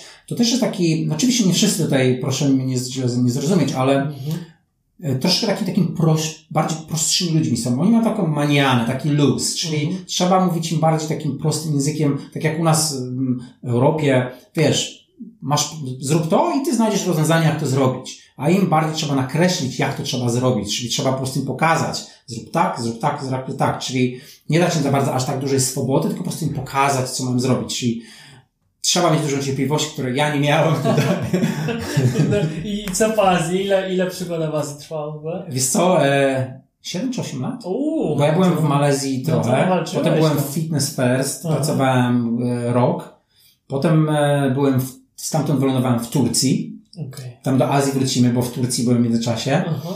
I potem znowu wróciłem do Azji, tak? Okay. Gdzie pracowałem już w klubach butikowych. A, a Turcja, gdzie byłeś? Jeśli mówię, Stambuł? Tak, bo... E, piękne miasto. Piękne miasto, bo... E, to, to, skąd, skąd to się wzięło ogólnie? Bo i znowuż to jest ta moja taka przygoda i podejmowanie ryzyka. Tutaj będę bardzo często mówił, że jeżeli chcesz naprawdę doświadczyć życia i wejść na najwyższe poziomy, to musisz podejmować ryzyko, musisz po prostu być gotowy wiesz, pakujesz się i buch, nowe, nowe jakieś możliwości, wyzwania i jedziesz. Mhm. I Jetomi już po prostu się rozpadał na części pierwsze, czyli ja szybko, wiesz, zanim się to skończyło, pracowałem w Fitness Fest, ale w Fitness Fest pracowałem tam e, w jednym z najlepszych klubów w całej Azji sprzedażowo, Aha. jako menadżer, e, senior manager. To nie moja bajka, bo ja byłem cały czas tym, czym zajmowałem się to częścią trenerską. Mhm. Pracowałem tam rok i mówię, no nie, ja muszę robić swoje. I tak zacząłem szukać, co się dzieje na świecie, czyli tutaj też do wszystkich, e, wszystkich namawiam, jeżeli naprawdę masz już jakieś kompetencje, umiejętności, jesteś na jakimś poziomie, to naprawdę cały świat szuka ludzi na tych najwyższych poziomach, na zarządzanie strukturą trenerską. Bardzo dobre, płatne posady są, mhm. jako tak zwany expact. Okay. I ja zobaczyłem, że McFit, nie ten McFit taki polski, czyli McFit też tak brzmi w Turcji, który ma teraz ponad 100 klubów, szukał taki fitness director i mhm. zgłosiłem się na to, tak? No, że miałem bardzo dobre CV, poleciałem do Istambułu e, na rozmowę kwalifikacyjną, no i dostałem tą pracę, bo miałem gadane, bo wiedziałem, bo miałem już dużo I zasobów. Doświadczenie. Doświadczenie i przede wszystkim wiedziałem, e, potrafiłem rozwiązać problemy, konkrety, znałem na czym to polega, cały procesy sprzedażowe, tok myślenia klubowicza, bo, bo jeżeli chcemy mieć dobrą pracę, to zawsze taki CEO będzie patrzył, jak ty możesz, jaką wartość możesz wnieść dla klubowiczów. Ty musisz mieć rozwiązanie to. Mhm. Na przykład, jak robisz konsultacje, jak ty, jak, co to znaczy retencja, co wiesz, e, mhm. net gain. Musisz znać te rzeczy, i, czy mocno biznesowo trzeba myśleć i tam zacząłem pracę właśnie w Turcji na tym samym stanowisku. Ale to były ciężkie czasy dla mnie. Masakra, mhm. powiem Ci, nie? No i ten rynek ciężki jest. No właśnie dlatego to było bardzo trudne, bo w ogóle nikt tam po angielsku nie mówił. Czyli jak ja rozmawiałem, robiłem szkolenia, to musiałem mieć tłumacza. No masakra to było. Ja byłem tam rok. Piękny kraj, ale po prostu to było naj... tak się samotnie tam czułem. Strasznie Kultura, wszystko kulturowe też. Tak, to jest z jednej strony, ale z drugiej strony po prostu to, że nikt nie mówi po angielsku, no po prostu było strasznie. I to były te czasy jeszcze, że no takie, takie przygody, że na koniec po prostu nie no, trzeba tam stąd wiać, bo e, ten, to był czas, nie wiem, czy, czy pamiętasz, czy tam pamiętacie, było taki moment, że tam zaczynały trochę wybuchać bomby w Istambule. Był taki moment, że e, tak, tak, tak to, był, to był w Istambule właśnie. Mhm. No to nie wiem, nie, no to no, jeżeli tam, gdzie ja mieszkałem, parę osób, turystów zostało zastrzelonych, no to ja nie chcę takim czymś być. I po prostu mhm. mówię, to jest sygnał, trzeba coś zrobić i iść dalej. Mhm. Podobnie jak teraz wiesz, na przykład tereny Izraela, tak, Gaza, dokładnie, też dokładnie. piękne miasto Tel Awiw. Dokładnie, dokładnie, czyli, czyli yy, i o, jakie pytanie zadałeś? Aha, jak wyglądam w Azji. Tak. No właśnie tak, bo tej Turcji, no, mówię, wróciłeś. Tak, bo mówię, ja już miałem bardzo yy, dobre doświadczenie, tak skromnie mówiąc, w tworzeniu struktur takich tych konsultacji, grupowych zajęć, bo w Turcji bardzo mocno musieliśmy na to zwrócić uwagę, bo to był rynek, gdzie yy, bardzo dużo zapisów było i trzeba było powiedzieć, jak zająć się tymi klubowiczami. Czyli stworzyłem znowuż takie grupowe zajęcia na start, czyli tam był raz, że były jedne konsultacje, ale też teraz zresztą tak e, będziemy na pewno o tym rozmawiać, że bardzo dużo się tworzy takich struktur rozwiązań grupowych zajęć, e, gdzie taki nowy klubowicz, e, wiesz, no nie tylko nowy klubowicz, po prostu uczestniczysz w grupowych zajęciach, jest ta, ten element, wiesz, razem trenujemy, jest ta energia, dlatego te kluby butikowe, które są w Stanach bardzo znane, one mają retencję na bardzo wysokim poziomie. Ja również stworzyłem taki koncept grupowych zajęć mhm. i przez to y, budowaliśmy taką społeczność. A jeżeli zbudujesz społeczność w klubie, no to ludzie zostają dłużej. I to chodziło Jasne. właśnie o to, e, retencja. I tam jak w Turcji pracowałem, to średnio length of stay, czyli jak długo klubowiec zostawał, to było dwa miesiące, czyli po dwóch miesiącach się U. postał. Ale po tych konsultacjach to wszystko wdrożyłem, wydłużyliśmy to do sześciu miesięcy. No, no, Czyli duży sukces, tak? Mhm. Duży sukces właśnie przez to, przez te właśnie grupowe zajęcia. Mhm. I to, że ja już tworzyłem to wcześniej, to stworzyłem to w Turcji, jak w, i potem było możliwość wrócenia do Azji, bo miałem kolegów w Azji, Jak- tworzenie konceptu do Malezji Do znowu. Malezji, okej. I tam em, stworzyłem koncept e, funkcjonalnego treningu w jednym z klubów butikowych i potem też koncept em, boxingu w drugim klubie butikowym. Czyli od podstaw stworzyłem cały koncept treningowy i też prowadziłem zarówno te treningi HIT w jednym klubie, w drugim prowadziłem nawet boxing też. Jest dużo takich klubów, ale Rambo Boxing w Stanach Zjednoczonych, Mhm. Czyli, a tu też muszę też powiedzieć, bo na przykład tworzyłem koncept butikowy e, w boxing, nie miałem pojęcia w ogóle o boksie, ale bardzo znałem e, dobrze struktury, na czym polega, czyli rozumiałem filary, na czym to wszystko polega, bo one nie różnią się. Mhm. A resztę się nauczyłem. Net, codziennie słuchałem, oglądałem YouTube, na czym polega jab, cross, uppercut, hook w boksie, jak się ruszają, żeby to wpl- wpleść. Czyli podejmujesz wyzwania, Oczywiście. później myślisz, jak, się- jak to zrobić. Jak już masz pewne struktury, wiesz, to one potem możesz je zaaplikować dalej. A że się troszeczkę różni, tutaj masz kolor zielony, tu na niebieski, to nie ma znaczenia. No dobra, Marku, ale jestem tak jak y, polecasz y, empatyczny w stosunku do swoich słuchaczy i sobie tak myślę, no come on, nie każdy będzie e, miał takie skille jak ty, nie, nie każdy będzie tak odważny, więc musimy im też dać jakieś rozwiązanie. Jak zacząć? Y, Myślałem o tym dużo i tutaj widzę dużą wartość dla naszych słuchaczy, jak mają zacząć przygotowania do takiego wyjazdu do pracy za granicę jako trener. Czy to Azja, czy to wiesz, inny kraj, no jednak trener, który pracuje całe życie w Polsce, musi się jakoś przygotować. Co byś tutaj doradził? Ja bym przede wszystkim sobie zadał pytanie, kim ja jestem. Bo, bo wiesz, to, że jest fajnie gdzieś tam na, w tym kraju, to musimy pamiętać, że też jest, są plusy i minusy. Mhm. Jesteś w innym kraju. E, Mówisz po innym w innym języku. Jesteś obcokrajowcem, tak? Mhm. To nie, nie jesteś w Polsce, nie masz tej mamy, że pójdziesz na ziemniaki, na kotlety schabowe, jesteś tam w zupełnie innym kraju. Czyli musisz przede wszystkim zadać sobie pytanie, czego ja chcę od życia. Taki, zrobić taki, taki set, taki, taki rachunek sumienia, co jest dla mnie ważne. Czy ja chcę podróżować, czy, czy, czy to mi pasuje, że wyjdę mocno poza strefę komfortu. Mhm. To jest No i odpo- odpowiedź jest tak. Okej, no to druga rzecz, to teraz tak, to jest fajne pytanie, teraz dobrze, to teraz tak. Jakie umiejętności ja potrzebuję na takim poziomie, na tak, żeby takie zrobić? Język angielski na przykład. Mhm. I teraz, jeżeli ja nie potrafię po język po angielski, To katuje. to, to albo katuję, albo po prostu nie, to nie jest dla mnie. Aha. Druga rzecz, co mi kręci? Czym ja zrobić mały research, tak? Popatrzeć po prostu w ogóle, jakie są stanowiska, jakie kompetencje trenerzy mają, co, co ogólnie się dzieje w branży. Załóżmy, wybieram branżę bu- klubu butikowych. Aha, czy to tam się liczy? Tam się liczy społeczność, ta energia, wiesz, taki, takie kompetencje miękkie na zasadzie takim, musisz być takim showmanem, nazwijmy. Tak? Mhm. Jestem taką osobą, czy nie? I teraz, czyli porównujesz, jakie skille tam są potrzebne, jakie kompetencje, nawet takie podstawowe rzeczy, czy mnie przyjmą z moimi dokumentami trenera personalnego, gdzie zrobiłem sobie na weekend, gdzie nawet nie musiałem pójść na zajęcia e, w sobotę, w niedzielę. No nie dostaniesz pracy, Mhm. prawda? Czyli musisz sobie powiedzieć, jakie są kwalifikacje. Tam i po prostu teraz tak, ja mam takie kwalifikacje, takie umiejętności, to teraz zadaję sobie pytanie, dobra, ja muszę zrobić to, zrobić to, zrobić to, no to ustalam sobie jakie deadline i zacznę działać. Czysto biznesowo myślę na tej Jasne. zasadzie. Podobne bym miał podejście, powiem szczerze. Ja jeszcze zawsze patrzę, gdzie są niskie koszty życia. Tak, ale wiesz, Tak. ale wiesz, to, to Ale możesz mieć dobrą pracę i, Dokładnie. i dobry zarobek i wtedy nie muszą być koszt, niskie koszty życia. No ja troszkę inaczej patrzę, bo wiesz, ja y, wylatując za granicę robię cały czas to, co robiłem w Polsce. Więc Tak. wiesz, zarabiając w złotówkach, no już muszę, muszę liczyć, ile Tak. będzie mnie kosztował apartament i koszty życia. No ale wracając do Tutaj tego jeszcze, wiesz, co, wiesz, tutaj jeszcze dodam takie, też trzeba pamiętać, że ty, ty cały czas to jest taka twoja droga rozwojowa, czyli Mhm. y, jesteś, to jest taki jakby rozdział w książce. Masz jakiś rozdział w książce, gdzie jesteś na etapie jakimś tam w Polsce i załóżmy, że chcesz iść w tym kierunku, który ja idę. No to teraz to jest drugi rozdział, ale to jest drugi rozdział z całej książki. Bo trzeba pam- pamiętać, czy ten, czy, czy ja tworzę taką książkę, historię, która mi pasuje. Czy ja tworzę książkę, którą ja chcę. Bo czasami po tym pierwszym rozdziale trzeba tę książkę odłożyć i zacząć rozdział pierwszy na nowo. Czyli... Widzę filozoficzne też rozkminki, dobrze, dogadamy się.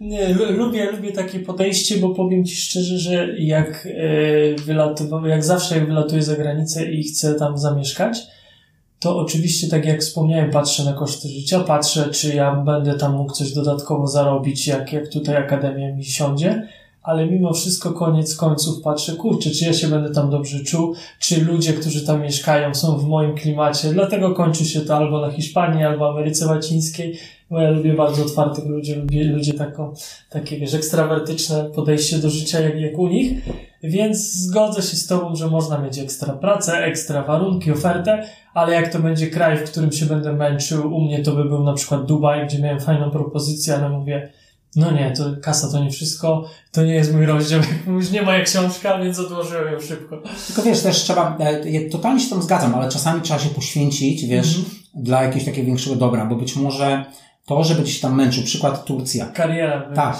Yy, tam było mi bardzo ciężko, ale bardzo dużo wyniosłem, tworząc te różne struktury, co potem mi przy, yy, miałem z tego wartość dodaną na później. Czyli trzeba, tak, czasami podejmujemy decyzje, które niekoniecznie są zgodne, jakby, no, może też nie zgodne z nami, ale Aha. nie zawsze, czasami trzeba zrobić, robić też, ja, ja widzę to tak. Spróbować. Dwa kroki do przodu, jeden do tyłu. Dwa kroki do przodu, jeden do tyłu. Idziesz do przodu.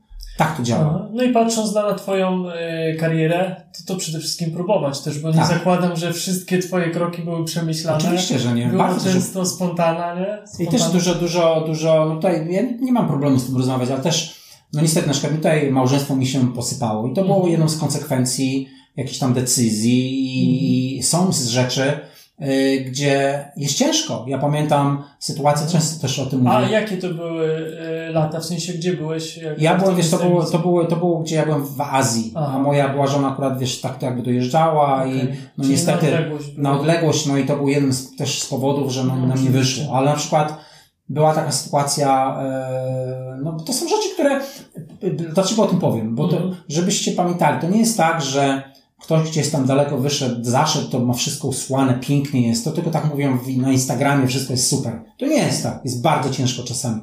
Miałem takie sytuacje na przykład, że były święta Bożego Narodzenia, ja byłem między pracami i nie miałem nawet co jeść. Ja po prostu miałem totalnie spłukane i to też mówiłem w jakimś tam moim podcaście chyba, że ja chodziłem do galerii przed świętami, tam są takie, wiesz, panie z tackami chodzą, takie serki, takie dają na spróbowanie, te takie testery. Mhm to ja chodziłem przez parę dni do takiej rzeczy, żeby to brać, bo ja nie miałem nawet e, pieniądz, pieniędzy, żeby kupić jedzenie sobie. No dobra, słuchaj, to przechodzimy do kolejnego pytania, które bardzo, e, bardzo dobrze zasugerowałeś, mam tutaj zapisane. E, mam podobne podejście, co, o którym powiedziałeś, że jak słucham właśnie wywiadów, podcastów, teraz sporo słucham przedsiębiorców, to wręcz przewijam te ich sukcesy, bo fajnie się ich słucha, ale zawsze czekam na ten moment największe porażki, więc pytanie do ciebie.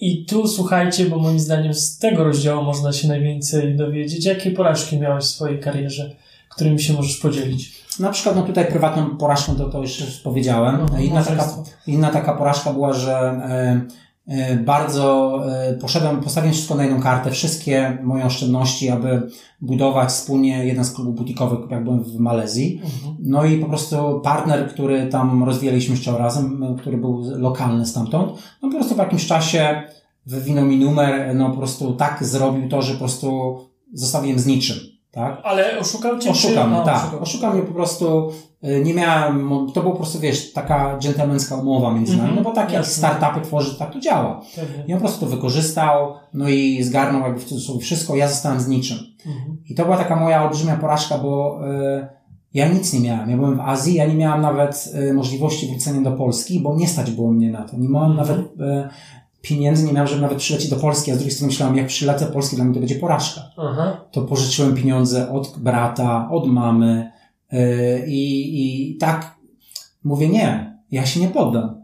Jak tam byłem, to to, że ja nie mam w ogóle pieniędzy, że muszę na święta Bożego Narodzenia, przed Bożym Narodzeniem iść do galerii, żeby jeść jakieś takie, właśnie to był ten okres, Aha. nie poddam się, nie wrócę i koniec. Czyli byłem party, yy, łzy w oczach parę razy, dużo nerwów, e, ale pamiętam dzisiaj chodziłem biegać, bo to mi dało taką energię, żeby przetrwać.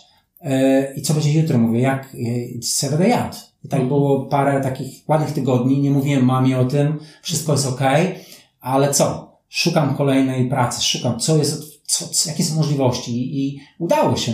Minęło parę miesięcy, byłem w Azji, dostałem e, współpracę z innym klubem butikowym. To była taka duża moja porażka też. Mhm. Taka, że spadłem na same dno, ale taka wiara w siebie, taka, że, że kurde, no nie, nie może, no to musicie kiedyś skończyć, bo wszystko a w musi się jakim wieku byłeś wtedy? To, to już, to było 35 lat gdzieś miałem. O, To już, mój wiek. O, teraz. czyli wiesz, jak mówię, kurczę, w tym wieku wiele osób już jest ustabilizowanych, Mhm. fajnie sobie żyje w Polsce, mają żony, dzieci i wszystko jest, a ja byłem w takiej sytuacji, ale nie, bo ja wiedziałem gdzieś tam, co ja chcę w życiu osiągnąć Mhm. i to mi dawało takiej siły, tak? To, to było takim, takim, taką moją mocną... Słuchaj, e, Marku, wszystko w życiu jest po coś. Ja mam takie podejście Tak. i nie wierzę, że tak, nie, tak musiało być po prostu. No tak, no dokładnie. Bo, jakby było inaczej, to może by było za dobrze i Tak, tak. zrobił jakąś głupotę. E, No dobrze, fajnie się rozmawia, więc lecimy dalej, bo po Azji też jeszcze coś, coś była jakaś przygoda kolejna. Tak, znaczy wiesz, e, bo to, to, to jest ten drugi raz, gdzie ja by- byłem w Azji, tak, czyli tak, była... Tak, wróciłem tam na dwa lata, czyli tak jak wspomniałem, pracowałem dla jednego klubu butikowego, czyli mocno w tym kierunku się rozwijałem. Tutaj poruszyłem już te tematy. Aha. E, Ten trening funkcjonalny budowałem, bardzo fajne sieci Fly Project, czyli stworzyłem cały koncept treningu butikowego, zarządzałem wszystkimi trenerami, prowadziłem te zajęcia. No tam już jest najwyższa, to najwyższa, najwyższa jakość obsługi klienta, bo na tym polega właśnie kluby butikowe, tak? Mhm. Czyli dla tych, którzy nie wiedzą, co to znaczy kluby butikowe, to nie możesz sobie po prostu przyjść, tak potrenować samemu, przychodzi na grupowe zajęcia, jakieś tam rozwiązania i jesteś naprawdę zadbany od A do Z. Czyli to był pierwszy klub butikowy i potem tam rok byłem, stworzyłem ten koncept, potem drugi klub butikowy, ten bokserski, o którym wspomniałem. Tam praktycznie byłem dwa lata. I olbrzymie doświadczenie, świetnie się tam bawiłem, ale mówię, to, czy ja wiem, czy to jest porażka? To jest tak jakby może nauka, że ja tyle lat spędziłem w tej Azji, Lekcja, nie? lekcje, ale mówię, no, no coś nie jest tak tutaj, no. I postanowiłem wrócić do Polski Okej. w 2019. Yy, Ja nie, To, to ile w tej Azji byłeś? Bo ja sobie, wiesz, teraz... tam byłem, wiesz, 5 lat na początek, potem wróciłem do Turcji, potem znowu na 2 lata, no 7 lat. O No. kurczę, to posiedziałeś, co? Tak, no to były też fajne rzeczy, bo dużo podróżowałem, tak Aha, jak no wspomniałem pewnie. tobie, tak. I też mówisz, że jest tanio już, jak jesteś Tak. na kontynencie. Oczywiście, nie? oczywiście, czyli bardzo polecam. Aha. Bardzo, bardzo rynek, ogólnie rynek azjatycki, jeżeli tak mówimy o tym rynku azjatyckim, bardzo dużo sieci, renomowanych sieci też jakby zamyka, czy zmniejsza swoje ilości klubów w Europie, na przykład Fitness Fest i otwiera to na przykład na, na rynkach azjatyckich i na rynkach e, Bliskiego Wschodu. Okej. I wiem, dużo Polaków na przykład pracuje w Fitness Fest w Dubaju. Mhm. Też znam chłopaków. Dokładnie, właśnie dokładnie. Czyli bardzo duży potencjał jest na rynkach azjatyckich i na rynku na Bliskim Wschodzie dla No. Polaków. Jeżeli mówi się po angielsku, można dobrze zarobić. Aha. A ja wróciłem do Polski w No 2019. to jeszcze przed Polską Cię pomęczę. Pewnie. E, bo obiecałem konkrety swoim słuchaczom, Dobrze. więc konkrety będą takie. E, Widzę, że naprawdę e, eksplorowałeś te rynki, więc znasz kwoty. I jakie są e, kwoty treningów personalnych? Gdzie można najlepiej zarobić, e, jeśli chodzi o treningi personalne, już mówię, prowadzenie? Jeden Znaczy- na jeden. Znaczy, y, jeżeli na przykład no, Fitness First, jak pracowałem, to na te treningi personalne były bardzo tanie. Mhm. One gdzieś, ja to będę przeliczał tak na złotówki. Mówisz tam, o fitness w Azji first. Tak, Aha. tak, tak, bo e, tam akurat e, jest e, Ringgit, się nazywa RAM, RM, tak w skrócie jak tu nas PLN, to prawie 1 do 1. Okej. Czyli na przykład tam w Fitness Fest e, e, jakieś 20-30 złotych dostali, dewastowaliśmy. Oh bardzo mało. Tak. Ale tych treningów ci trenerzy robili bardzo dużo. Czyli mieli podstawę jakąś niedużą, ale robili ich tam że powyżej setki to każdy robił. Z tym mi się Azja kojarzy. Tak. To jest standard. Powyżej setki to nie było jak, jak ktoś robi, bo ja byłem tam menadżerem w Mhm. Fitness Fest, ktoś robił mi 20 czy 30 treningów w, w miesiącu, to szybko wyleciał. To to w ogóle dla mnie nie był żaden trener. Mhm. To był, to był junior początkujący, bo tam były różne levele. I też, też była tak zrobiona struktura, że byłeś taki, miałeś instruktor, masz junior, personal trainer, senior, master, tam było pięć poziomów trenerów, czyli czym wyższy poziom, miałeś wyższą stawkę. Okay. Czyli tym trenerom zależało być na wyższej stawce, bo miałeś więcej, ale musiałeś na przykład, żeby zostać na tym najwyższej stawce, gdzieś było około 35 zł, to musiałeś zrobić minimum 120 treningów w miesiącu. Mhm. Jeżeli nie zrobisz to w przeciągu tam paru, to spadasz w dół. No dobra, żeby porównać, bo Fitness First przecież jest też właśnie w Dubaju, gdzie, gdzie sporo Polaków pracuje. Znasz ceny w Dubaju? Nie, Tak? nie znam, nie, nie, nie znam. Nie znam. Ale y, tam można zarobić. Można. Bo za, Bo ja pamiętam ofertę swoją, to naprawdę... Ale wiesz, e, powiem Ci tak, zależy co Ty chcesz, bo, bo, bo, bo można zarobić, na przy- przykład, tak? Mhm. Pracując w e, klubach butikowych, tak, w których ja pracowałem, prowadzisz zajęcia, gdzie zarabiasz około 100 zł za jedne zajęcia, Mhm. bo tak się robi, takie, tak bardzo dobrze płacą, Tak. możesz zarobić około 100 do 200 zł za godzinę za trening personalny, Mhm. ale jesteś, pracujesz sam dla siebie. Czyli nie pracujesz w żadnej strukturze, gdzie masz gotowe rzeczy. Fitness Fair znowuż, to co wiesz, masz te konsultacje, które bardzo dobrze są zrobione. Masz podane na tacy tych konsultantów, konsultacji mnóstwo. Mhm. Yy, Nie musisz nic robić, po prostu tylko robić te konsultacje. Jeżeli masz dobre umiejętności sprzedażowe, to cię konwertujesz na treningi personalne. Czyli znowuż, czy ty chcesz sam tworzyć swój, ten cały proces sprzedażowy od Koncept, koncept, czy po prostu przychodzisz na gotowe rozwiązania, ale wiesz, że Musisz się podzielić. musisz się podzielić. To ty musisz zdecydować, co chcesz. I słuchajcie, i teraz właśnie jak, jak z Markiem rozmawiam, myślę też o swoich przygodach, gdzie pracowałem e, e, w Stanach głównie. E, W Hiszpanii też byłem, ale w Hiszpanii studiowałem, więc skupiam się na Stanach.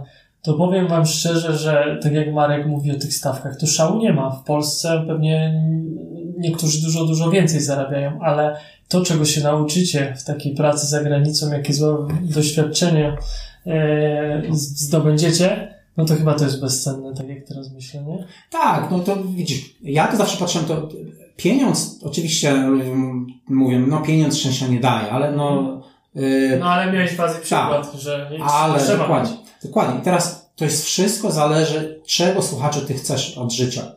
Bo yy, ja tak to widzę. Takim typowym trenerem, yy, no i, ja, i do jakiego wieku będziesz robił 100 treningów personalnych w miesiącu? Ile może być? Miał co 40, 50, 60 lat będziesz nadal robił 100 treningów personalnych? No chyba nie. Czyli w jakimś tam wieku trzeba myśleć, co dalej. Czy ja będę na przykład jakimś osobą e, w kadrze zarządzającej, czy ja będę miał jakieś rozwiązanie, jakiś swój własny koncept, e, czy butikowy, czy studio treningów personalnych, gdzie będę miał trenerów pod sobą, czy ja zmienię ogólnie stanowisko. Trzeba myśleć w przód. Czyli rozwijać te kompetencje, co mówimy często, te sprzedażowe, marketingowe, czy na przykład chociażby teraz, ja tak przerzucę w ogóle całkowicie co innego, na przykład sztuczna inteligencja, AI. Ja bardzo dużo czasu poświęcam na to, codziennie uczę się, jestem nawet dosyć dobry, Mhm. bo uczę się codziennie promptingu, wiem o co chodzi, yy, wydaję około 500 zł miesięcznie, bo wiem, tak wspomniałeś trochę o finansach, Tak. około 500 zł miesięcznie wydaję na różne aplikacje od ChatGPT, który kosztuje około 100, tam inne, bo specjalnie podliczyłem sobie Mhm. około 500 zł, żeby testować te rzeczy. Czyli ja nie widzę tego jako wydatek, czyli widzę jako inwestycja w siebie. Inwestycja, jasne. Bo ja wiem, że ten element na przykład, mówiłem sztuczna inteligencja, te nowe technologie zaprocentują w przyszłości. Ja już nie będę trenerem personalnym, ale ja będę być może wykorzystywał to w nauce innych, czy, czy w jakimś tam zarządzaniu. Ja wiem, że trenerzy personalni, jeżeli teraz tego nie, nawet specjalnie nagrałem podcast ostatni u siebie, gdzie zaprosiłem w cudzysłowie chat GPT, żeby mówił, jakie są przyszłości branży fitness od tej strony. I trzeba mówić o tym, trzeba być na tym otwartym, żeby ktoś się nie budził w ręką z ręczniku, że kurczę, nagle jest jakiś trener, który to wykorzystuje i, a ja nie, no to Kubowicze pójdą do tamtego. Czyli otwartość umysłu na te inne rzeczy. Tak, także trenerzy, y, zaprojektujcie swoje kariery, y, myślcie do przodu, nie myślcie tylko co jest tu i teraz, bo tak jak Marek mówi, musicie mieć jakieś dodatkowe źródło dochodu, jakiś pomysł. Same treningi personalne to według nas nie jest przyszłościowy zawód. Fajne doświadczenie, ale trzeba jeszcze coś więcej do tego dodać, żeby się też przede wszystkim rozwijać.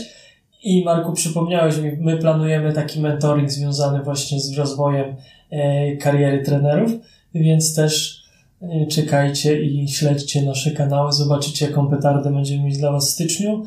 Przeprowadzimy Was od A do, do Z. Zdecydowanie, bardzo, bardzo polecam.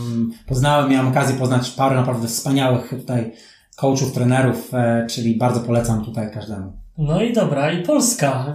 Wracamy, e, wracamy do nas. Tak. 2019, tak? Tak, tak. 2019 to już... E, no i co, co cię tu sprowadziło? Mm -hmm. Miłość?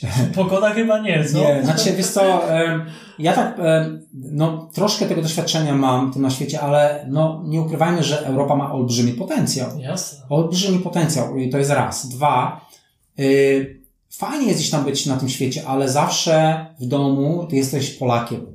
Możesz tupnąć nogą w urzędzie skarbowym, e, możesz po prostu powiedzieć, że hej, o co chodzi. Jesteś, tam jesteś zdany na inny jakiś świat, jesteś gościem zawsze.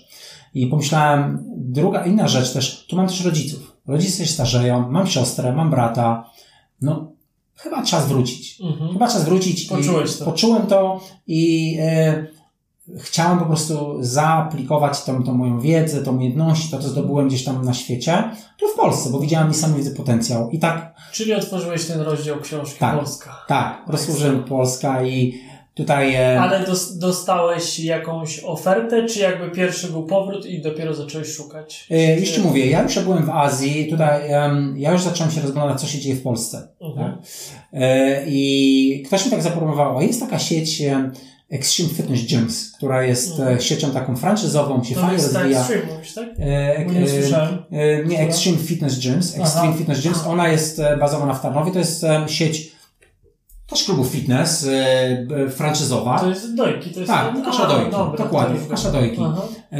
I nawiązałem z Łukaszem rozmowę, zanim przyleciałem do Polski i on mówi, co, jak będziesz w Polsce, no to się spotkamy, tu pogadamy. Mhm. No i tak właśnie to się wydarzyło, że przyjechałem do Polski, e, zacząłem z nim rozmawiać. No i Łukasz mówi, no kurczę, no czemu nie? Pomóż mi oraz otwierać te kluby i robić dokładnie to, co ty robiłeś zawsze. A w tym już miałem sprawdzoną rolę. Tutaj troszeczkę trzeba było inaczej to zrobić, bo to jest sieć franczyzowa. Mhm. E, no i zacząłem działać w Extreme Fitness Gyms. Robić dokładnie to samo, co robiłem wcześniej, ale dla klubów franczyzowych. Cudowna opcja. No. Właśnie w, jesteśmy na etapie analizy rynku i zastanawiamy się, czy jeśli chodzi o studia treningu personalnego w Polsce, czy jest przestrzeń na franczyzę, bo my tutaj widzimy duży potencjał. Nie wiem, jakie, jakie masz zdanie. Znaczy, zdecydowanie jest e, przestrzeń na franczyzę, ale franczyza jest... Jakie minusy, plusy może powiedzieć e, w franczyzie? No wszystkim tak. No, jeżeli zależy od której strony patrzysz, mhm. czy być częścią, czy ja mam otwierać franczyzę, czy przyłączyć do franczyzy. Otwierać. Okej. Okay. No wszystkim, żeby otworzyć franczyzę, no to nie jest tak łatwo, no bo, bo ja mogę mieć jakiś fajny, ładny, ładny klubik, ale żeby mieć franczyzę, to muszę mieć procesy, muszę mieć mhm. systemy, muszę mieć wszystko dopięte na ostatnim guzik. I to są lata pracy. Bo żeby, to nie jest tak, że sobie otworzę franczyzę. Yes. Dlaczego ja miałbym otworzyć, e, zapłacić tobie jakąś miesięczną płatę za to, co ty masz? Ty musisz się sprawdzić. Czyli musisz otworzyć pierwszy klub, drugi klub, pokazać, że masz pewną wartość. To nie jest takie łatwe. Nie każdy potrafi tworzyć franczyzę. Mhm. Ale z drugą stroną można iść, bo można na przykład się przyłączyć do franczyzy. To jest dobre rozwiązanie, bo y, kluby ogólnie łatwiej dostać, jak mówimy czasem takie finansowe aspekty. Aspekt, Jeżeli ja muszę pożyczyć coś, na otworzenie własnego klubu, studia treningu personalnego, czy taką franczyzę, jeżeli ja jestem częścią franczyzy, która jest sprawdzona, zdecydowanie łatwiej dostanę e, pożyczkę z banku. Mhm. No bo jestem częścią czegoś większego, co jest sprawdzone. Czy to jest dużym ułatwieniem. I nie muszę się martwić te pewne know-how, strategie, mam to gotowe na tacy. Czyli to też jest dużym takim plusem. I mogę, i, i ludzie, którzy przyłączają się, zapisują się do takiego klubu, no nie mówię o jakimś klubu akurat Łukasza Dojki, mówię o franczyzie, bo zaraz powiem, jakiś mhm. przykład ale ze Stanów w sieci, to również zdobywasz więcej klientów. Czyli to, że ty się dzielisz jakimś tam elementem finansowym, to, to jest ok, bo ty zyskujesz, że jesteś częścią czegoś większego. No właśnie, a wy wspomniałeś o, o współpracy. A wy jako franczyzodawcy, jakie w Polsce macie największe y, problemy, jakby wyzwania, z którymi się, którymi się oczywiście możesz podzielić? Mhm. Znaczy ja już y, pracowałem tam przez y, 3 lata, tak? To mhm. skończyłem w tamtym roku. Pewnie, że mogę. Mhm. No przede wszystkim y, teraz tak, wiesz, masz, masz, zależy jak na to patrzysz, bo mhm. masz musi zdobywać, żeby sieć rosła, to musi zdobywać nowych franczyzobiorców, tak? Czyli, no, umieć, trzeba umieć ich przekonać, żeby przyłączyć takie franczyzy, do takiej franczyzy. Czyli są spotkania miesięczne, gdzie sprzedajesz ten, w cudzysłowie, ten koncept. Czyli zachęcasz te osoby, żeby przyłączyli się do ciebie. Z drugiej strony, jeżeli otwierasz franczyzę, no to też musisz mieć nowe lokalizacje. Szukasz tych lokalizacji. To już jest jakby jednym wyzwaniem. Aha. Dużym wyzwaniem jest takie coś, że musi mieć dobrze te procesy poukładane, bo jeżeli przyjdzie Ci na przykład taki franczyzobiorca i on chce wdrażać jakieś swoje zasady, mhm. no to franczyza polega na tym, że musi się ta osoba dostosować mhm. do Ciebie, czyli... A przerwę Ci, no. a mieliście y, jakąś taką rekrutację, y, która y, odsiewała, bym powiedział, osoby, które nie są gotowe, Oczywiście. właścicieli, bo zakładam, że było dużo właścicieli z kasą, ale zawsze jest to ryzyko, kurczę, ja mu dam swoją markę, ale już widzę, że tego nie pociągnie. Tak, to jest standard. E, zawsze to się zaczyna nawet e, jak e, wejdziecie sobie, czy wejdziecie sobie na Extreme Fitness Gym, tam są regularnie robione takie albo online'owe, albo fizyczne, po prostu takie spotkania, gdzie się opowiada o franczyzie. Mhm. I każdy może przyjść na taką, takie spotkanie. Wysłuchasz i potem, jeżeli ty jesteś zainteresowany, to jest kolejna rozmowa już indywidualna i tam jest analiza, kim ty jesteś, jaki masz mhm. kapitał i tak dalej. I tam są pewne rzeczy odsiewane. Z jednej strony być może tobie nie będzie pasowało to, bo dowiadujesz się, że są pewne zasady, pewne rzeczy, które, opłaty, które ci nie pasują, a z drugiej strony franczyzobiorca też dowiaduje się, bo analizuje, rozmawia z tobą i dowiaduje się nagle, że no ty niekoniecznie pasujesz, czyli po latach pracy taki franczyzobiorca wyczuje, czy ty jesteś osobą taką, y, która by spełniała te warunki, czy są takie, wiesz, win-win, dwie mhm. strony. I tu jest, y, tu jest jakiś przesiew z jednej strony, bo też chodzi o to, że jesteś franczyzobiorcą, trzeba mówić takim potencjalnym franczyzobiorcy, jakie są fakty. Mhm. Jakie problemy? Jakie są problemy, żeby ta osoba wiedziała na start, że to nie jest tak, że ty po prostu wchodzisz w franczyzę i sama kasa wpada, że ty musisz pracować, że ty musisz zrobić swoje. Nie, no bo tutaj zobacz, y, myślę z perspektywy na przykład właściciela, nie?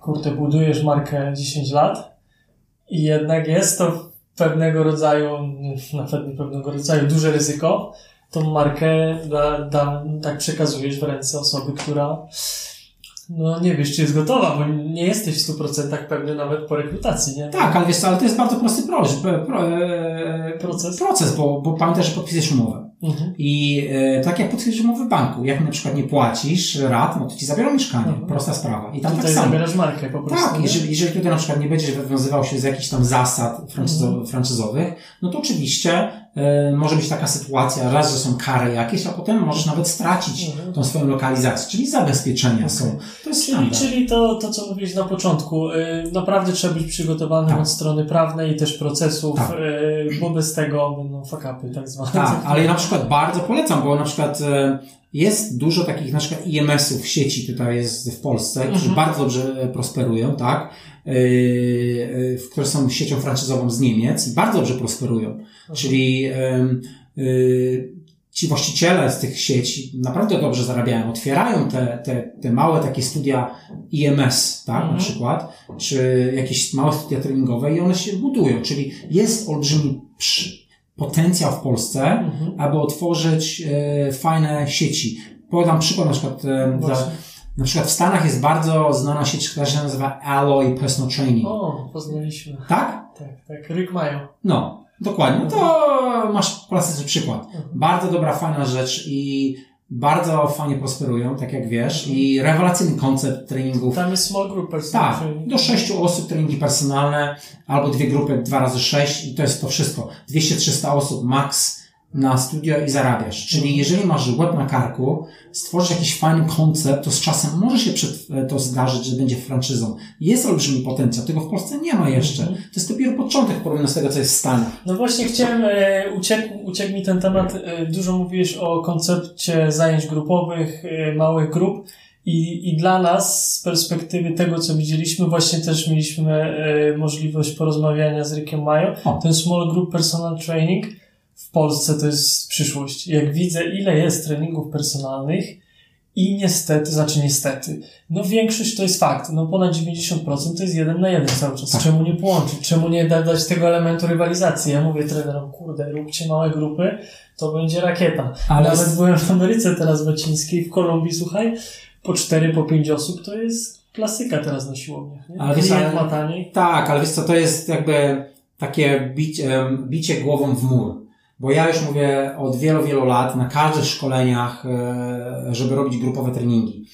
Ale niestety mentalność, nie obrażając trenerów personalnych, bo to jest specyficzny zawód. Trenerzy personalni są e, bardzo mocno nauczeni, przygotowani i to, co potrafią najlepiej, to robić jeden na jeden. Mhm trenerzy personalni, taki prawdziwy trener personalny, e, no, dobry trener personalny, ogólnie trener personalny, nie jest przystosowany, żeby nagle prowadził zajęcia, gdzie mamy pięć osób. Bo tutaj się zaczyna już element taki bardziej, wiesz, entertainment, e, wiesz, ja robię taki bardziej taki show troszeczkę, mhm. pracuję w grupie i to jest mocne wyjście poza strefę komfortu do danego trenera. I większość trenerów personalnych nie jest na to gotowa. Mhm. To jest specyfika zawodu, specyfika trenera personalnego. Ale jeżeli chcemy naprawdę osiągnąć, zacząć zarabiać, to jest metodą must have. Must have. No, mamy ograniczoną ilość czasu. Zdecydowanie. To jest bardzo prosta kalkulacja. Jeżeli ja zarabiam, e, zobacz, jak zresztą Rick Mayer często o tym mówi, jeżeli ja na przykład biorę, charge'uję, niech będzie tam te zaokrągle, 100 zł jeden na jeden, no dobry trener, stuwa, tak? A ja na przykład będę miał trening, gdzie mam 5 osób i od każdego wezmę po 30 zł, to mam 150 zł za godzinę. Czyli mam o wiele więcej, a i ludzie się fajnie bawią. To jest inna forma treningu. To nie jest już trening personalny, ale small person training group, small training w małych grupach. Uh-huh. Czyli zarabiam więcej. I potem, jeżeli ja mam takie jedno studio, nagle okazuje się, że ja mogę tworzyć drugie. Nagle ja nie pracuję, nagle inni trenerzy robią to tak jak Rick Mayo ma uh-huh. i oni odpalają pełną działkę i biznes się zaczyna kręcić. Ale trzeba mieć tutaj mentalność tutaj, zmienić w głowie, że ja nie będę po prostu jeden na jeden, to jeden na jeden to, to, to, to jest inna bajka już. Mhm. No i najczęstsza obiekcja, jaka się pojawia, jak, jak rozmawiam z trenerami, kurde, że te sieciówki teraz, te siłownie nie są przygotowane na small group personal training. Zgadzam się w 100%, dlatego weź kumpla, weź drugiego, trzeciego trenera, otwórzcie studio i róbcie w swoim studiu. To nie jest, słuchajcie, otworzenie sieciówki jak Pure Atomi, że musicie mieć procesy, wszystko na tip-top. Nie no, znajdujecie fajny lokal, yy, dwóch, trzech trenerów bierzecie, jak, jest, jak macie kapitał samemu i pomysł oczywiście i, i róbcie w swoim studium, bo to jest przyszłość. Tak, ale powiem Ci jedną rzecz, bo ja byłem teraz e, kiedy byliśmy, no, w tym roku, w, no, parę miesięcy temu w Stanach na Cybex, na spotkanie takim e, w, na, na Florydzie. Aha. Bardzo duże spotkanie Cybex, e, takich operatorów fitness największych na świecie no, naprawdę czołówka światowa. I bardzo dużo było rozmów właśnie o przyszłość branży fitness na świecie. I okazało się na przykład, że bardzo dużo takich topowych operatorów fitness robi bardzo podobne manewry. Już Ci mówię jakie, mówię Wam jakie. Y, obni- y, zmniejszają ilość cardio, czyli jak mamy, wiesz, tak jak ja pamiętam w Chatomi mieliśmy 25 bieżni, 18 eliptyków, to już pamiętam na, na, na, na to już zawsze. To, to zajmuje olbrzymią przestrzeń. Tak. Bardzo dużo tych dużych operatorów teraz zmniejsza tą ilość cardio, stawia na trening siłowy, czyli rozbudowuje strefy siłowe i rozbudowuje strefy funkcjonalne. Czyli zmienia w ogóle to, bo jest trend coraz większy, żeby pracować, nawet kobiety coraz bardziej robią trening siłowy, niż na przykład wchodzą na bieżnię i wciskają fat burning. Czyli trendy się zmieniają. Do czego zmierzam? Bo teraz jako pracując właśnie w, z Naomi Fitness Design, gdzie tworzymy koncepty i sprzedajemy sprzęt na całym świecie, to my sprzedajemy bardzo dużo setupów klubów właśnie treningów funkcjonalnych, sprzedajemy ten koncept, który ja stworzyłem, ten Training. Mhm. Już dużo mamy poukładanych e, klubów na świecie i bardzo dużo się stawia właśnie takie, na takie koncepty treningowe i strefy funkcjonalne i te strefy siłowe. Dlaczego o tym mówię? Bo to też przyjdzie do Polski kluby zaczną tworzyć, e, e, też zmniejszać ilość cardio, zaczną tworzyć te rozwiązania e, funkcjonalne. I kto wygra? To właśnie ci trenerzy, którzy będą chcieli właśnie uczestniczyć w tym, że będą tworzyć, będą częścią tego, będą albo tworzyć te koncepty, jak ja stworzyłem to za granicą, albo prowadzić te zajęcia i będą więcej zarabiać. Mhm. I no to, co powiedziałeś ty, otwierać swoje. swoje. Czyli to jest przyszłość też. E, zobacz też, jak, jak rynek się rozwija i jak, e, no niestety, dominują duzi gracze. Mówię tutaj, wiadomo, o benefit system, tak. o sieciówkach. Więc naprawdę widzimy duży potencjał, żeby iść w stronę butików i wyróżnić się czymś na rynku, bo zdrowity są fajne, ładne, sam ćwiczę, ale to nie, nie ma tam tego efektu wow, który możecie zrobić właśnie w swoim studiu i, i zbudowania społeczności, bo jedyne, czego mi brakuje, w zdrowicie, w którym na przykład teraz ćwiczę i jeśli chodzi o tą część treningową, come on, mogę zrobić wszystko, ja nie jestem jakiś też wymagającym e, ćwiczącym, ale no społeczności nie ma i będzie ciężko zrobić w takiej sieciówce. Nie wiem, czy się Marku... Zdecydowanie. I teraz wiesz, teraz jaki model biznesowy sobie bierzesz, bo tak jak wspomniałeś, tutaj podałeś przykład sieci, mhm. bardzo ją dobrze znam, bo sam trenuję w niej. Są wiele sieci, które wybrały taki model właśnie, że jest mała opieka, ale patrząc na trendy w ogóle, czego ludzie potrzebują, ludzie potrzebują coś bardziej spersonalizowanej oferty, potrzebują tej społeczności, potrzebują czuć się częścią czegoś. Takie są trendy w marketingu, jak wiesz, zresztą mm, takie jasne. podejście jest i sprzedażowe, że potrzebują tego, szczególnie teraz, kiedy się dzieje na świecie tak, jak się dzieje. Tu nie będziemy rozmawiać o polityce, potrzebujemy mhm. takiej, takiej razem, energii, czyli będą się otwierać, moim zdaniem, takie lokalne, społeczne kluby, e, te, te sieci, takie typowe wielkie molochy bez opieki, yy, gdzie się płaci niedużo, one będą istniały, ale to jest jakiś tam procent, ale większość ludzi będzie potrzebowało takiej, takiej bardziej takiej innej społeczności. I to, moim zdaniem, jest też duży potencjał, dlatego tu mówimy o tych klubach butikowych, czy rozwiązaniach treningów funkcjonalnych i warto też w tym kierunku iść. I moim zdaniem, wiele sieci, tak jak wspomniałem, jakie są trendy w Stanach i to też będą zmieniały układy swoich klubów. Bo jeżeli potem Ale mówisz, mówisz o takiej y, dużej strefie funkcjonalnej, na przykład, nie wiem, jak jest w Warszawie w Homes Place, że tam też prowadzą no oczywiście. takie fajne, tam mi się podobają te small group, te, no oczywiście. te zajęcia takie krótkie, nie wiem jak to się nazywa. No takie wiesz, no wiem. 15 takie, minut, tak, zapraszam, takie, działamy. Oczywiście to, to ja, ja na przykład jak w Bangkoku, jak, jak pracowałem w Azji, to na przykład Fitness Fest jest podzielony ogólnie na strefy. Masz strefę boxing, masz małe grupy zajęć boksu, potem masz obie strefy, strefę hit, ma strefę cardio z monitorem MyZone i są takie strefy i ty przyłączasz się do pewnych zajęć. I dlaczego to jest ważne? Bo wszystko chodzi o retencję.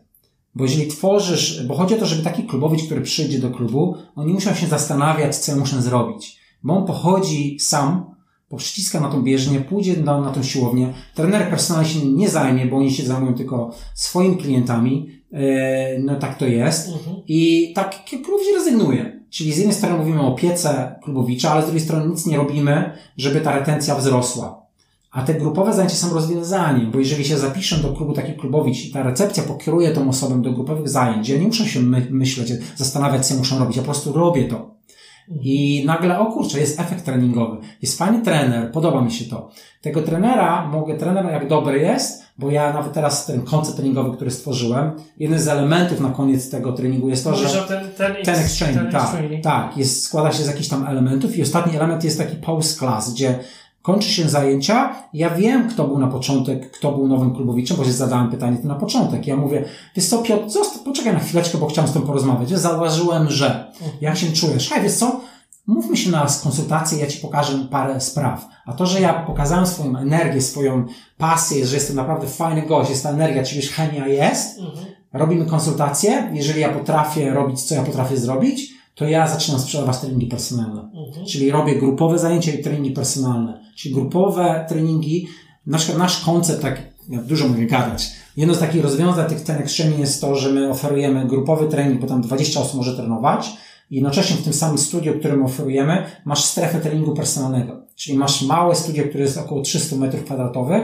masz grupowe zajęcia 10x Training i oto obok zaraz masz strefę treningu personalnego. Idealne rozwiązanie dla na przykład trenerów personalnych, żeby takie coś sobie kupić. Czy mhm. zainwestować w takie coś, bo nie jest duża inwestycja w to, a robisz to, co ty kochasz treningi personalne i potem połączyć to z grupowymi. To jest przyszłość. No w ogóle ten model sprzedaży jest dla mnie dosyć naturalny. Jak wejdziesz sobie na e, jakieś zajęcia fitness, które prowadzą e, dziewczyny i zawsze na koniec tych zajęć jest rozmowa i później przechodzą na trening personalny, więc wiesz, najlepsza opcja sprzedaży. Zdecydowanie. Nie musisz robić szkoleń, nie musisz tutaj wiesz, być mistrzem sprzedaży. Poprowadź dobrze trening, pokaż swoją energię, jak mówisz. Klientki same podejdą, zagadają, czy czy możemy jeden na jeden popracować? Wiesz co, to, to, to fajną rzecz powiedziałeś, bo ja tutaj się zawsze czepiam, bo to jest takie zboczenie zawodowe, jak wchodzę po klubach i obserwuję trenerów personalnych. I jak ważne jest to, żeby mieć zawsze taką postawę, naprawdę, że chcesz pomóc, bo wiele razy widziałem trenera personalnego, który gdzieś tam robi, wiesz, ktoś robi sobie na przykład wyciskanie na klacie, a, a trener sobie patrzy na komórkę, Facebooka sprawdza, no masakra. Ludzie widzą to. Czyli twój taki image, który ty, kim, kim jesteś, ludzie obserwują, bo ci, którzy chcą treningi personalne, oni patrzą, obserwują tych trenerów, potem wybierają.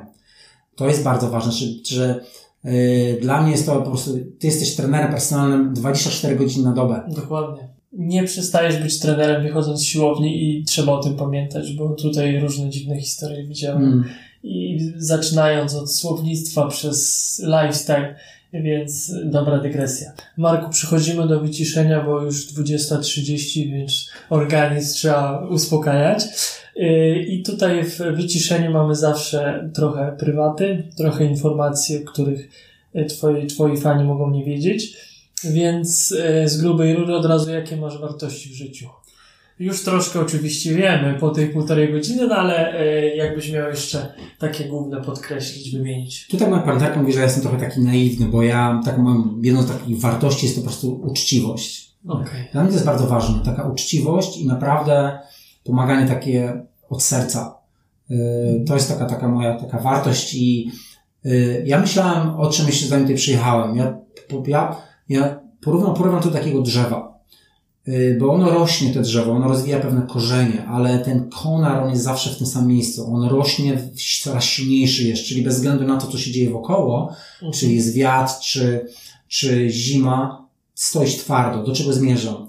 Ja jestem taką osobą i bardzo namawiam każdego takiego czegoś, jeżeli masz jakieś wartości, w coś wierzysz, na przykład jakiś system, czy, czy jak widzisz świat, to po prostu choćby nie wiem co, nie zmieniać tego, a nie po prostu być jak chorągiewka, bo wielu z nas w dzisiejszych czasach właśnie tak postępuje. Coś mhm. się zmienia, bo większość tak robi, to ty też to zmieniasz. Ja nie jestem taki. Mhm. Jestem takim rebeliantem, to jest taka moja wartość. Mam w to, wierzę w to na przykład, że yy, uważam na przykład, że wiadomo co było w czasie COVID-u. Jasne. Nie, w ogóle bardzo byłem przeciw tego i zawsze tak mówiłem. I koniec. Mhm. Choćby nie wiem co i jest taką, Trzymasz się. Trzymam się tego. Czy to jest taka moja wartość? Trzymać się tego, w co wierzysz. Mhm. E, nie wiem, czy słuchałeś podcastu e, Zaprojektuj swoje życie. Pewnie.